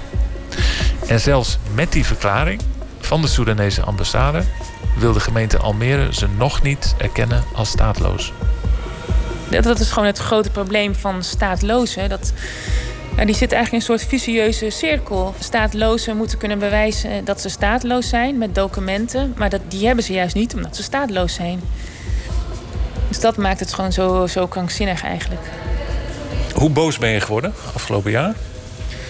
Eh, ja, nou, ik, ik, ik moet zeggen dat ik niet heel snel boos ben of eh, heel opgewonden over dingen. En ik ben van nature denk ik ook niet heel activistisch. Maar ja, bij dit onderwerp eh, borrelde wel eh, zeker wel wat. Ja. Ik heb me af en toe echt wel heel erg opgewonden over hoe, hoe dingen kunnen ontstaan. En eh, dat dat gewoon kan in zo'n goed georganiseerd land als Nederland. De vraag is natuurlijk hoe je zo'n gekmakende bureaucratie in beeld brengt. Bureaucratie is papierwinkel en dat laat Anouk letterlijk zien. Stapels, koffers vol, formulieren, verslagen, verklaringen, gerechtelijke stukken, mededelingen. Maar het isolement van zo'n leven in iemands land, dat wordt echt invoelbaar door de foto's die ze maakten van locaties. Een kale wachtruimte, het uitzicht vanuit detentiecentrum Schiphol, een gespreksruimte van de IND, een woonblok in Ter Apel. Alles keurig, schoon en geordend. Maar geen mens te bekennen. Die foto's vormen een contrast met de gestileerde portretten die Anouk maakte. Ja, eigenlijk ontstaan er eh, automatisch altijd wel gewoon hele mooie blikken bij mensen. Dat, dat, ik zoek wel een soort neutraliteit op. Maar binnen die neutraliteit gebeuren af en toe gewoon zulke mooie dingen. Eh, zoals Eduard. Een man uit Abhazie oorspronkelijk. Eh, even kijken waar is die? Eduard. Ja, Eduard leeft ook op straat. Maar hij weet zich eigenlijk nog redelijk goed staande te houden. In die zin dat hij, eh, hij houdt zich heel erg vast aan een soort zelfspot eh, omtrent zijn eigen situatie. En ja, hij heeft een soort zwarte humor. eh, en ja, soms zelfs sarcasme als hij het heeft over eh, het Nederlandse systeem. Maar je ziet in zijn ogen, eh, vind ik zelf, toch een soort lichtje. Een soort tikkeltje ironie. Ook om, om die mondhoeken heen. En dat is echt- echt wel, ja, ook zoals die is. En, en dat is, eh, dat is iets wat, wat gewoon ja, vanzelf echt ook wel ontstaat. Als je eh, tijdens het fotograferen, eh, af en toe praat ik even met hem en dan gaan we weer verder. En Het is bijna een beetje een, een Kevin Spacey-achtige ironisch lachje. Ja, het is bijna een beetje. denk, arrogant is niet het juiste woord, denk ik. Maar alsof hij een beetje erboven staat. Maar goed, dat, dat, het is niet zo dat hij eh, heel luchtig in het leven staat hoor. Dat, eh, het is ook wel iemand die. eh, ja, natuurlijk met, enorm worstelt met zijn leven en met wie hij is. Was het een soort wereld die je wel een beetje kende? Van hoe mensen in de illegaliteit op straat leven? Nou, niet in Nederland. Maar ik heb natuurlijk wel ja, tijdens andere projecten en op reis wel heel vaak eh, met mensen te maken gehad die zeg maar, in eh, een soort marginaal eh, bestaan leven. Ja. Maar het lijkt me ook wel weer verbazingwekkend dat toestanden die je zelf voornamelijk kent uit uh, moeilijker landen, dat je die nu door hun aan de hand genomen ineens op heel ja, alledaagse Hollandse plekken treft. Ja, dat is zeker uh, heel uh, verontrustend ook eigenlijk. Dat je in zo'n goed georganiseerd land als Nederland... of eigenlijk ogenschijnlijk goed georganiseerd land... dat, ja, dat dit soort dingen gebeuren. En het, ja, het zet je ook gewoon heel erg aan het denken. Het is uh, gewoon over je eigen leven en, en die vanzelfsprekendheid... van het hebben van een nationaliteit. Ook je kinderen, weet je, die eigenlijk zo'n enorm cadeau geeft bij hun geboorte... Door, omdat ze gewoon automatisch jouw nationaliteit krijgen. En ik kreeg toen mijn dochtertje werd geboren, echt binnen een paar dagen al eh, een zorgverzekeringspasje toegestuurd. Zonder dat ik zelf daar iets voor heb eh, hoeven te regelen. Dus eh, zodra de aangifte is gedaan in het eh, gemeentehuis, dan is zo'n kindje natuurlijk gewoon een, een onderdeel van het systeem. Met de bijbehorende rechten en bescherming ook. En dat is, eh, daar, daar ben ik me heel erg bewust van geworden. Van dat, ja, wat een enorm geschenk dat eigenlijk is. Dat, daar daar staan, staan wij gewoon totaal niet bij stil.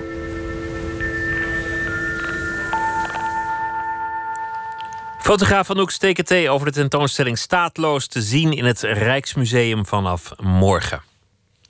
Warhouse, een eh, band van Maarten de Volderen, bekend van de andere groep Balthasar. En dit nummer heet Love's a Stranger.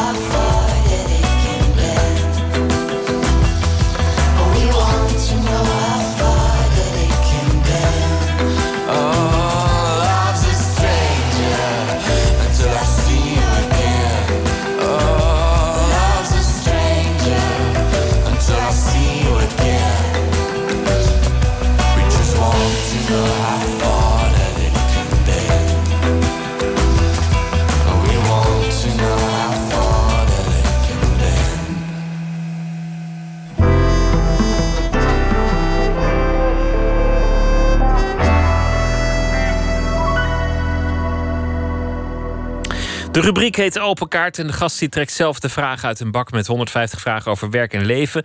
Te gast is schrijver-journalist Maartje Laterveer. Die heeft een boek geschreven Vrouwen en Seks. En dat gaat over eh, de seksualiteit in het huidige tijdsgevricht.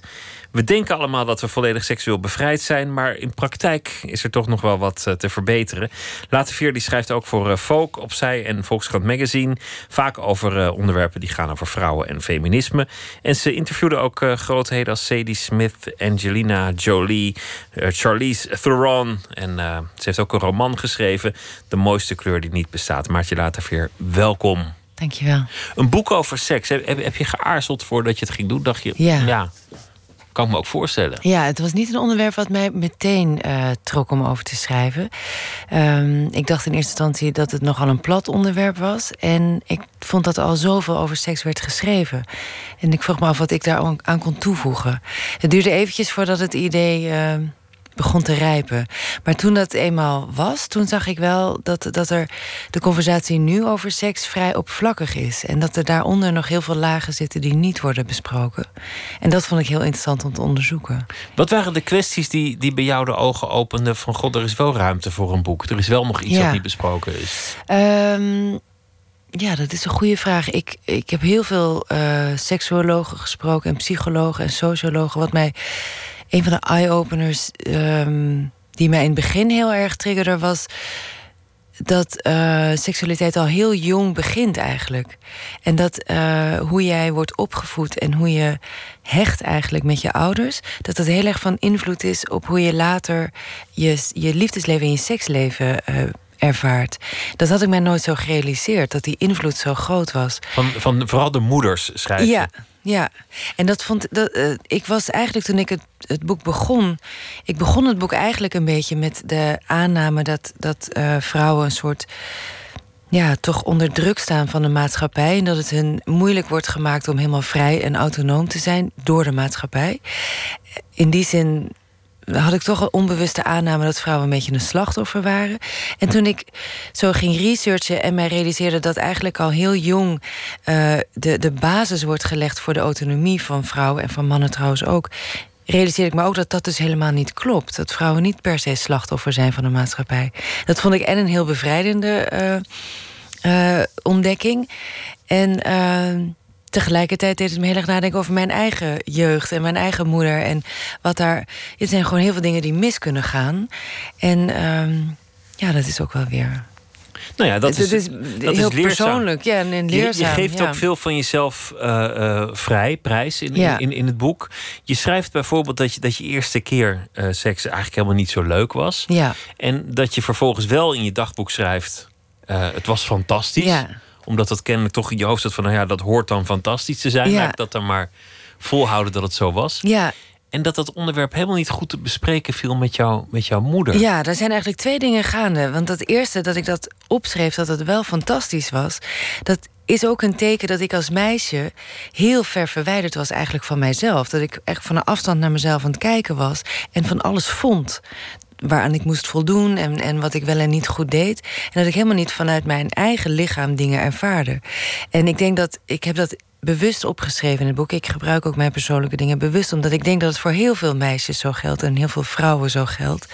En eh, ik heb ook heel veel. eh, in mijn research kwam ik heel erg naar voren dat daar een logische verklaring voor is. Namelijk dat meisjes al heel jong eh, worden bekeken met een bepaalde verwachting, met een bepaalde blik. Veel meer dan, dan jongens worden zij bekeken met een verwachting dat ze mooi moeten zijn en dat ze een seksueel wezen eh, voor anderen zijn. Ja, jongens die, die, die ontwikkelen zich gewoon heel autonoom als het gaat om seksualiteit. Mensen vinden het heel normaal dat zij gaan masturberen en dat ze natte dromen krijgen en dat ze op een gegeven moment op ontdekkingstocht gaan. En bij meisjes is, is die hele ontwikkeling verloopt veel spastischer eigenlijk. Het meisje wordt ongesteld en daar doen we dan allemaal heel erg eh, naar over. Dat moet allemaal weg en het moet allemaal hygiënisch. Dus dat wordt helemaal niet gekoppeld aan plezier of. En daarnaast moeten we ook nog heel erg rekening houden met, met het hele fenomeen slutshaming, wat al op hele jonge leeftijd een rol speelt. Want, want En- een, man, een man die heel veel vrouwen eh, bemint, dat, Ja, dat wordt, wordt een soort stoer, ja. wordt heroïek over gedaan. Ja. Van nou, dat is was wat goed van hem. En een vrouw die moet natuurlijk altijd haar schaarste in ogenschouw nemen. Ja, en het is eigenlijk best wel schokkend dat we het daar nog steeds over hebben. Want eigenlijk is het een probleem wat gewoon al heel lang speelt, wat al eeuwen oud is en waar al heel veel mensen dingen over hebben gezegd. En toch is het nog steeds zo. En, en vrij hardnekkig. Ik bedoel, als je nu kijkt naar onderzoeken, dan zie je dat nu op de middelbare scholen jongens en meisjes vinden dat eh, een jongen de eerste moet zijn die initiatief neemt en niet andersom. Want anders ben je een slet. En dat, dat is dat heb ik dus in mijn boek willen, willen doorgronden. Van hoe komt het dan dat dat nog steeds, ondanks alle seksuele bevrijding en on- ondanks alle feminisme, nog steeds aan de hand is? En misschien zelfs erger is geworden. Want, Ja. want jij was zelf op een zeker ogenblik van de markt. wegens een, een langdurige relatie. En je kwam weer Ja. terug in, eh, in, in de jungle die, eh, die de liefde is geworden. Veel dingen bleken veranderd. De tijd Ja. van, van Tinder en internet eh, daten en, en noem maar op.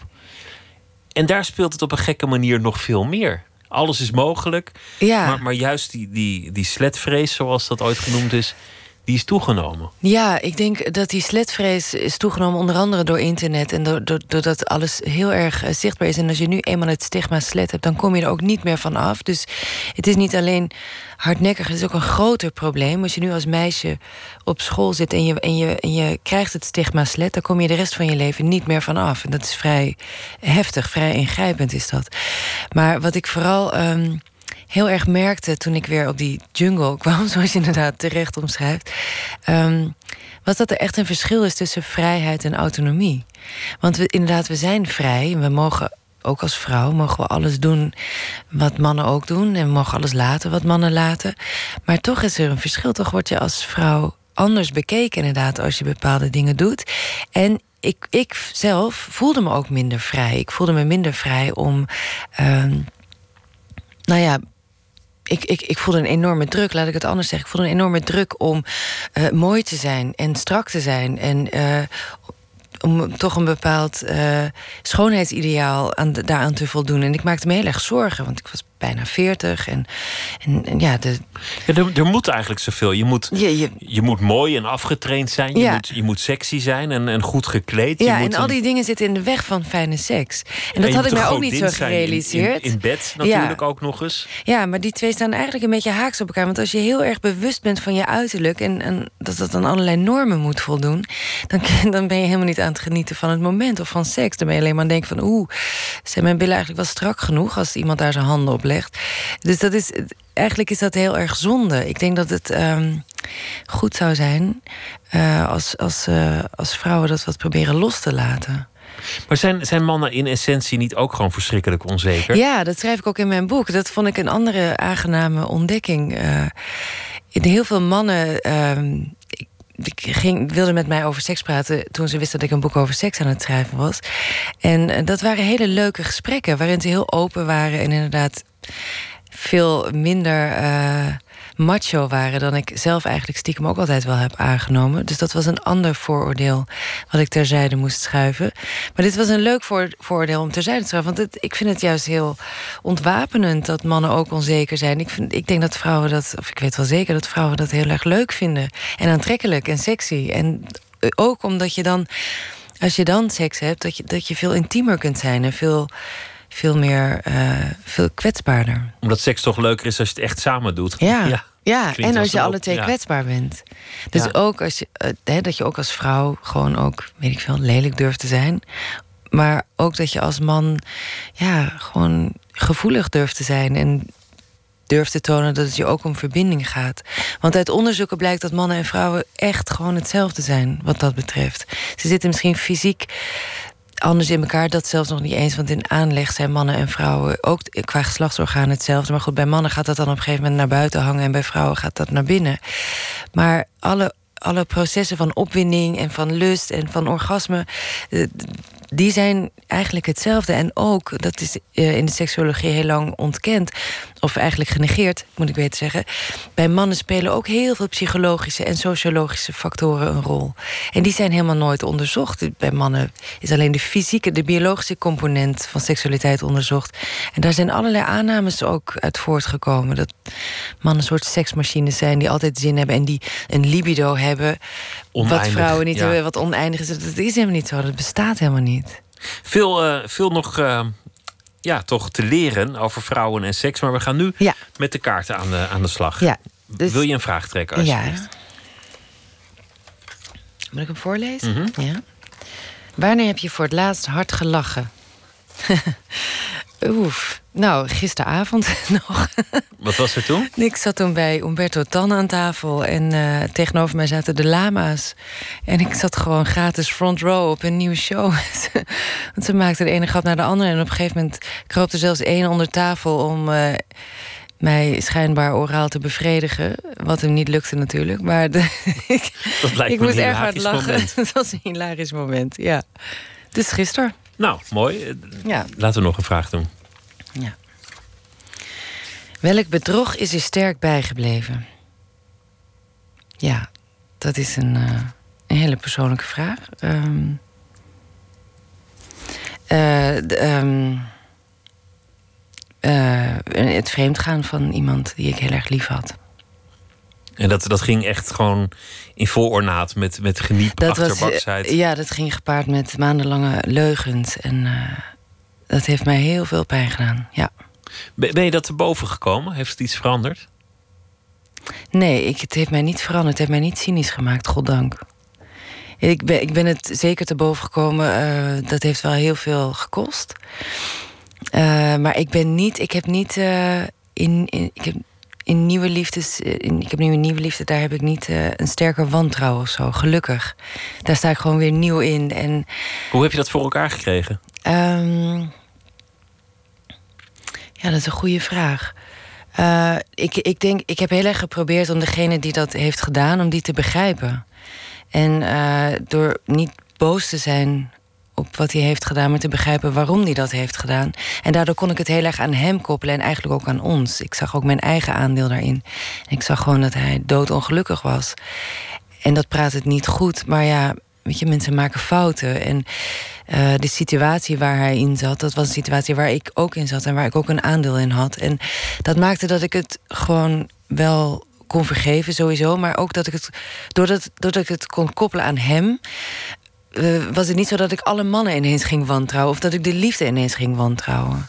Liefde is gewoon heel erg complex. En ehm, Dus je vroeg je af eh, waarvoor die je had verlaten, niet voor wie die je had verlaten. Ja, dat was heel duidelijk dat, dat het een, inderdaad een soort midlife crisis moment was. En, en ook een ongelukkig moment in, in onze relatie. En eh, het, het ging helemaal niet om die ander. En ik, ik, ik had ook verliefd kunnen worden op iemand anders. Dat, dat was gewoon hoe onze relatie was. Laten we nog geen doen. Ja. Iets vrolijks. ja, ik, ik heb ze niet voor het kiezen, geloof ik. Welke rol had je als kind in het gezin? Nou, ik was de jongste van vier. Eh, twee jongens boven mij en, en nog één zus boven mij. En eh, ik had een, eh, zo, ja, een nogal ingewikkelde eh, relatie met mijn moeder. En ik heb altijd het idee gehad dat, dat de rol in mijn, in- mijn rol in het gezin was dat ik een soort spiegel was voor mijn moeder. En dat is best een lastige rol. eh. Een spiegel dat, je- dat jij aan dingen moest voldoen die zij graag in zichzelf had gezien. Dat, maar ook die ze moeilijk vond om bij mij te zien. Omdat ze bepaalde dingen van zichzelf moeilijk vond om, om te onderkennen. En die ze dan bij mij wel zag en waar ze niet onder, om- omheen kon. Of, eh, ik was vrij confronterend. Ik was denk ik een vrij heftig kind. Je, om- je omschrijft je moeder als een intellectuele vrouw, verzot op Frankrijk, op boeken, Ja. op literatuur. Een, Ja. eh, toch ook een, een geëmancipeerde vrouw. Eh, Ja. Best wel iemand die de lat voor zichzelf hoog heeft liggen. Extreem hoog. Mijn moeder was heel. Ze, leeft niet meer. Mijn moeder was heel perfectionistisch, maakte het zichzelf echt niet makkelijk. Ik heb haar zelden echt ontspannen gezien. Ze had altijd wel eh, een lat weer die ze, die ze nog hoger moest leggen. En ik zag dat aan als kind. En ik confronteerde haar daar ook mee van... waarom doe je dat eigenlijk? En dat vroeg ik haar niet altijd direct. Ik vond het ook gewoon indirect of door heel vervelend te doen. Of, eh, en, en ja, ik denk dat, dat ik het haar daarmee niet makkelijk heb gemaakt. Maar tegelijkertijd kon ik niet anders. Want het leek zo onecht daardoor. Wat jammer dat je al die gesprekken niet meer met haar kan voeren. Extreem jammer. Ja, ik heb haar echt heel erg gemist bij het schrijven van dit boek. En door dit, eigenlijk het schrijven van dit boek heeft mij ook weer dichter bij haar gebracht. Omdat ik haar veel beter begrijp nu. En ook beter begrijp hoe onze relatie. Hoe überhaupt een moeder-dochterrelatie werkt. Die is, denk ik, bij heel veel moeders en dochters complex. En het is zo zonde eigenlijk dat, dat die zo complex is. Want daardoor worden heel veel gesprekken niet gevoerd die voor een dochter wel heel fijn zijn. eh, als die gevoerd zouden worden. Ik had het heel fijn gevonden als mijn moeder bijvoorbeeld over die eerste keer. als ze toen gewoon een pot thee had gezet en. eh, had verteld hoe dat bij haar was gegaan. Dat had mij. eh, Had ja, jou geholpen. het lijkt ja. me ook wel heel moeilijk als ouder. Als je dan, als je dan een tiener hebt en die, die gaat Ja, ineens natuurlijk. aan seks doen... en dan moet je het er nog over hebben ook. Ja, maar toch dat heel belangrijk. Dat is echt, dat is ook iets wat ik, wat ik eh, in mijn research heel vaak tegenkwam. Dat de seksuele voorlichting voor kinderen, dat die nog wel te wensen overlaat. Dat die heel erg is gericht op wat je wel en niet moet doen of mag doen. En het is heel erg, vooral bij meisjes, gericht op gevaren. En eh, we vergeten helemaal dat seks ook gewoon een heel leuk iets is. En, Nou, het, is, het is een cliché dat je vaak om je heen hoort. Je schrijft er ook over. 2017 is het notabene. Ja. Dat, dat eh, eh, ouders van een zoontje zeggen... nou, dat wordt Ja. later een veroveraar. ja, dat is bizar, hè? En ouders van een dochter zeggen... als er ooit zo'n puistenkop aan de deur komt voor mijn dochter... nou, dan, dan trap ik hem weg. Ja. Eigenlijk raar. Ja, en tegelijkertijd eh, realiseer ik mij ook dat dat mannen in een bepaalde rol duwt. Waar ze echt, echt ook niet altijd in willen zitten. Dus het is. Het mes snijdt daar ook echt aan twee kanten. En ik, ik denk niet dat het zin heeft om, eh, om daar heel boos op te worden. Of, of om te zeggen, de, hè, er gaat iets niet goed aan de andere kant van, van, van, van het spectrum. Volgens mij moeten we gewoon veel meer open in gesprek hierover. En er is over eh, eh, nadenken en praten. Ja, En lezen. Het boek heet Vrouwen en Seks. Vanaf heden verkrijgbaar. Maartje Laterveer, dankjewel. graag gedaan. Dankjewel.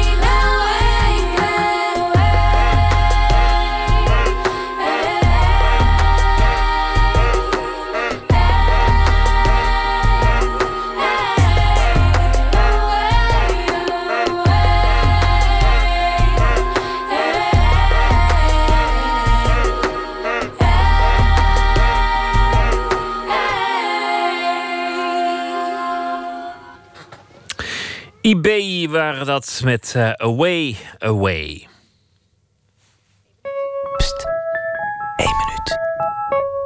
Ik keek twee keer eh, per week ongeveer. Ja, half zeven, zeven uur zeg ik, hey! Wat is eigenlijk een computer. Waar is die Wat is diabetes? En, hè, hoe wordt die strijkijzer gemaakt? Eerste Kamer, Tweede Kamer, Provinciale Staten, van alles en nog wat. Het is zoveel eh, systemen hier. Dan kan ik het alleen maar volgen en begrijpen via klokkenhuis. De meeste Marokkaanse mensen die ik ken, die hebben het schotel. En er wordt vaak naar de Arabische zenders ook gekeken. En dat is ook moeilijk om daar ook een, eh, een plek eh, in die groep ook te, te maken. Het was ook laatste van, oh ja, ken jij die, die naam? Ik zeg, god, die namen zeggen me niets. Ja, het blijkt een, een soapserie uit Libanon of ik, ik kan me worst. Mijn interesses liggen niet daar.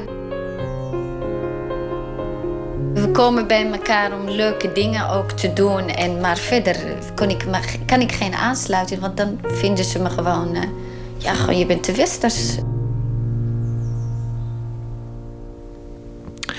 Klokhuis, een verhaal in één minuut, gemaakt door Maartje Duin. Monier Samuel is eh, schrijver en opiniemaker. En ook eh, vorig jaar heeft hij een roman geschreven. Liefde is een rebelse vogel. En deze week zal hij elke nacht een verhaal maken. Bij de voorbije dag. Monier, goeienacht.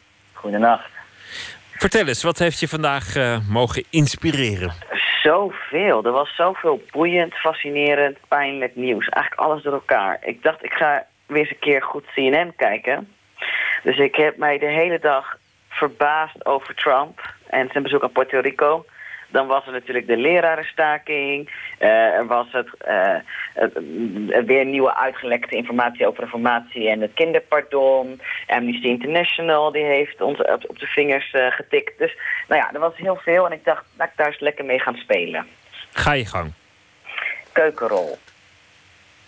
Dus Trump gooit met keukenrollen in een verwoest Puerto Rico... waar men te midden van de ravage niet eens weet hoe te huilen. Een doekje voor het bloeden heet dat.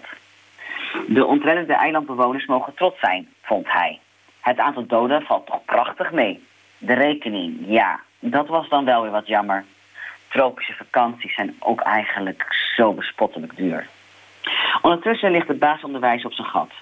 Worden de boze juffen en meesters overstemd door de windrukken van deze waaibomendag, voor, iemand, voor zover iemand überhaupt horen kon. Ver weggestopt in het Haagse Zuiderpark, oogt de staking toch een beetje als een mislukt, school, mislukt schoolreisje, zei het met wel heel veel leraren. Rutte speelt verstoppertje met vingers in de oren en ogen dicht. Ik zie, ik zie wat jij niet ziet en de kleur is wit. Ook hij gooit graag met keukenrol. Zeven jaar al is onze Mark de premier van Nederland.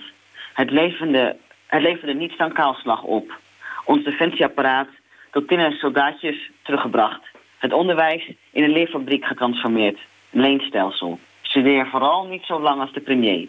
Die haalde een mastergraad in geschiedenis, maar leerde blijkbaar niets van de grote denkers van de klassieke oudheid. Een beroep erft je van je vader. Onderwijs was voor het stellen van kritische vragen. De weg naar leiderschap. Maar in een tijd zonder visie lijkt de enige missie die o zo geprezen efficiency. Meer doen. Meer overleggen. Meer competenties. Minder klagen. En durf vooral niet om een salarisverhoging te vragen. Ondertussen zitten de ouders met de hand in het haar. Niet zozeer vanwege de treurige staat van het onderwijs... als wel om het gebrek aan opvang. De hele dag naar de BSO dan maar.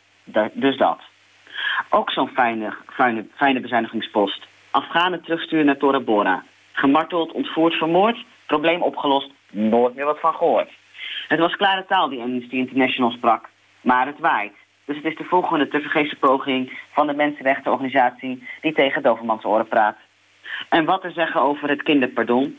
Ook minderjarige vluchtelingen komen maar gewoon om. Waar blijft de menselijke maat? De algemene waardigheid? Beste Donald, doe mij nog zo'n keukenrol alsjeblieft. Ik moet wat tranen kwijt.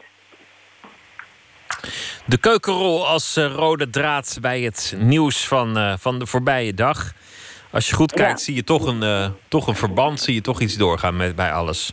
Ja, dat, ik, ik vond dat beeld van een, een, een zo'n onverschillige president die niet in staat is, staat is bij emoties te komen of enige empathie voor de mensheid op te brengen en dan maar gaat basketballen met keukenrollen. Eh, eh, zo pijnlijk, maar zo veelzeggend over het leiderschap van nu. Eh, snel, korte termijn, ehm, weinig visie, geen empathie, En, en, en, en geen menselijke zachtheid. En volgens mij, als je kijkt naar dat kinderpardon, dat gekoelhandel over de ruggen van eh, minderjarige vluchtelingen die geen keuze hadden, die hier al langer dan vijf jaar verblijven, die totaal voor Nederland zijn, dan was het maar omdat hun leven niet veel langer is dan het aantal jaar dat ze hier, hier rondlopen. Ik, ja, ik, ik kan er gewoon niet bij. Dan moet ik gewoon huilen. Ja. Dus ja, die keukenrol dus. Heel goed. Soms moet je ook gewoon huilen. Dat is, eh, ja. Dat moet je dan niet, eh, niet, niet voor je gaan houden. Ja, het is jammer dat het met testosteron niet lukt, maar goed, hè. Als ik, eh, als ik lang genoeg naar, naar, naar, naar zielige katjes kijk, dan lukt het misschien. Nou, de, de wereld is een ra- ravage, maar gelukkig hebben we nog keukenrollen. ja, precies. Dankjewel, Monier. veelzijdig zijn. Dankjewel en morgen weer verhaal. Goeienacht. Yes, goeienacht. Jamie Lawson, eh, Brits muzikant, nam dit nummer op in eh, Los Angeles. De dag dat Trump werd eh, ingezegend als president. De stemming was, zei hij, niet heel vrolijk in de studio. Maar daarom was het juist de perfecte dag om dit nummer op te nemen. Little Mercy.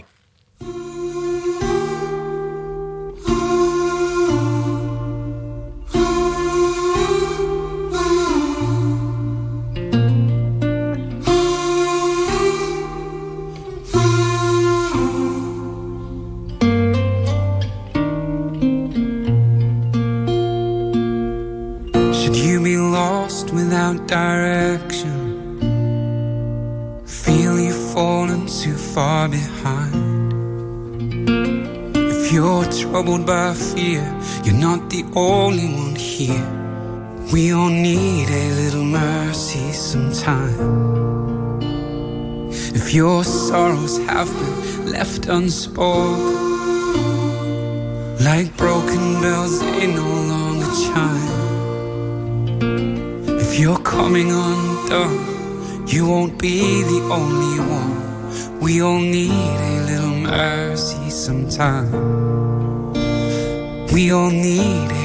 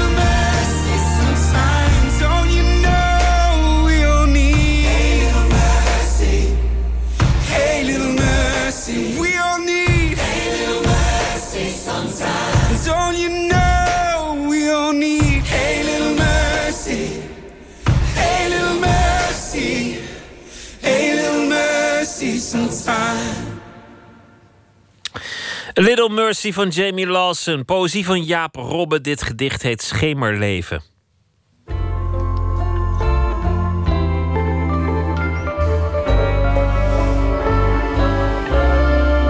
Schemerleven. Je bleef te kort om te kunnen voelen hoe warm wangen zijn. Hoe verlangen soms naar een glas water smaakt. Wat er na winter komt. Dat een afgeknipte tak in een vaas blijft bloeien alsof er zijn boom niet mist. Dat enkel de zon geen schaduw heeft. Dat dat het leven was wat door jouw wimpers schemerde. En hoe traag daarna elk uur opnieuw de grote wijzer tegen de kleine kruipt.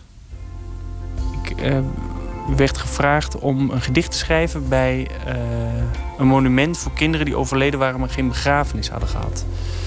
En dat bijvoorbeeld eh, in, in eh, het katholieke zuiden was dat heel lang dat kinderen die geboren waren, eh, maar nog niet gedoopt. En toen overleden, die moesten s'nachts begraven worden langs de heg van de begraafplaats. Die kreeg, mocht niet op de begraafplaats liggen. En die ouders hadden dus ook helemaal geen plekje omheen te gaan. Of, of, of- niks, het mocht niet eh, herdacht worden.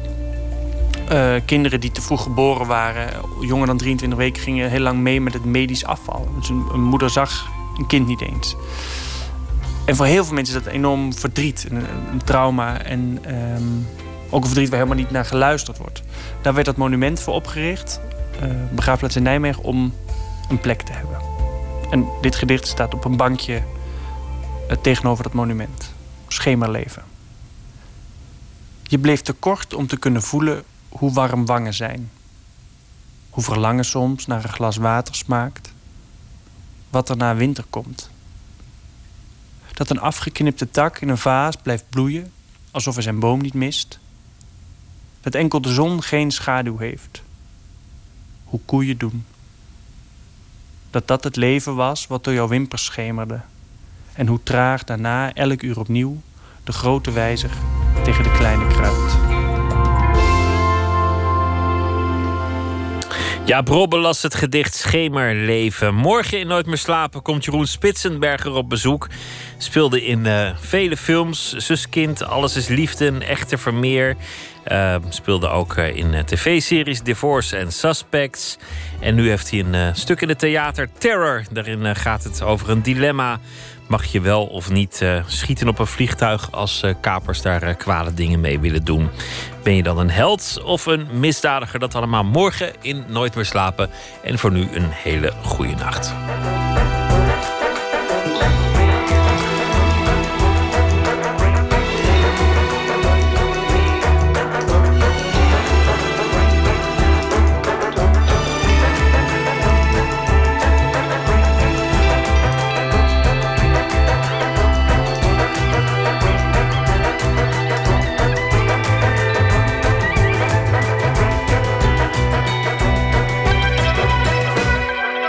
Radio 1, het nieuws van alle kanten.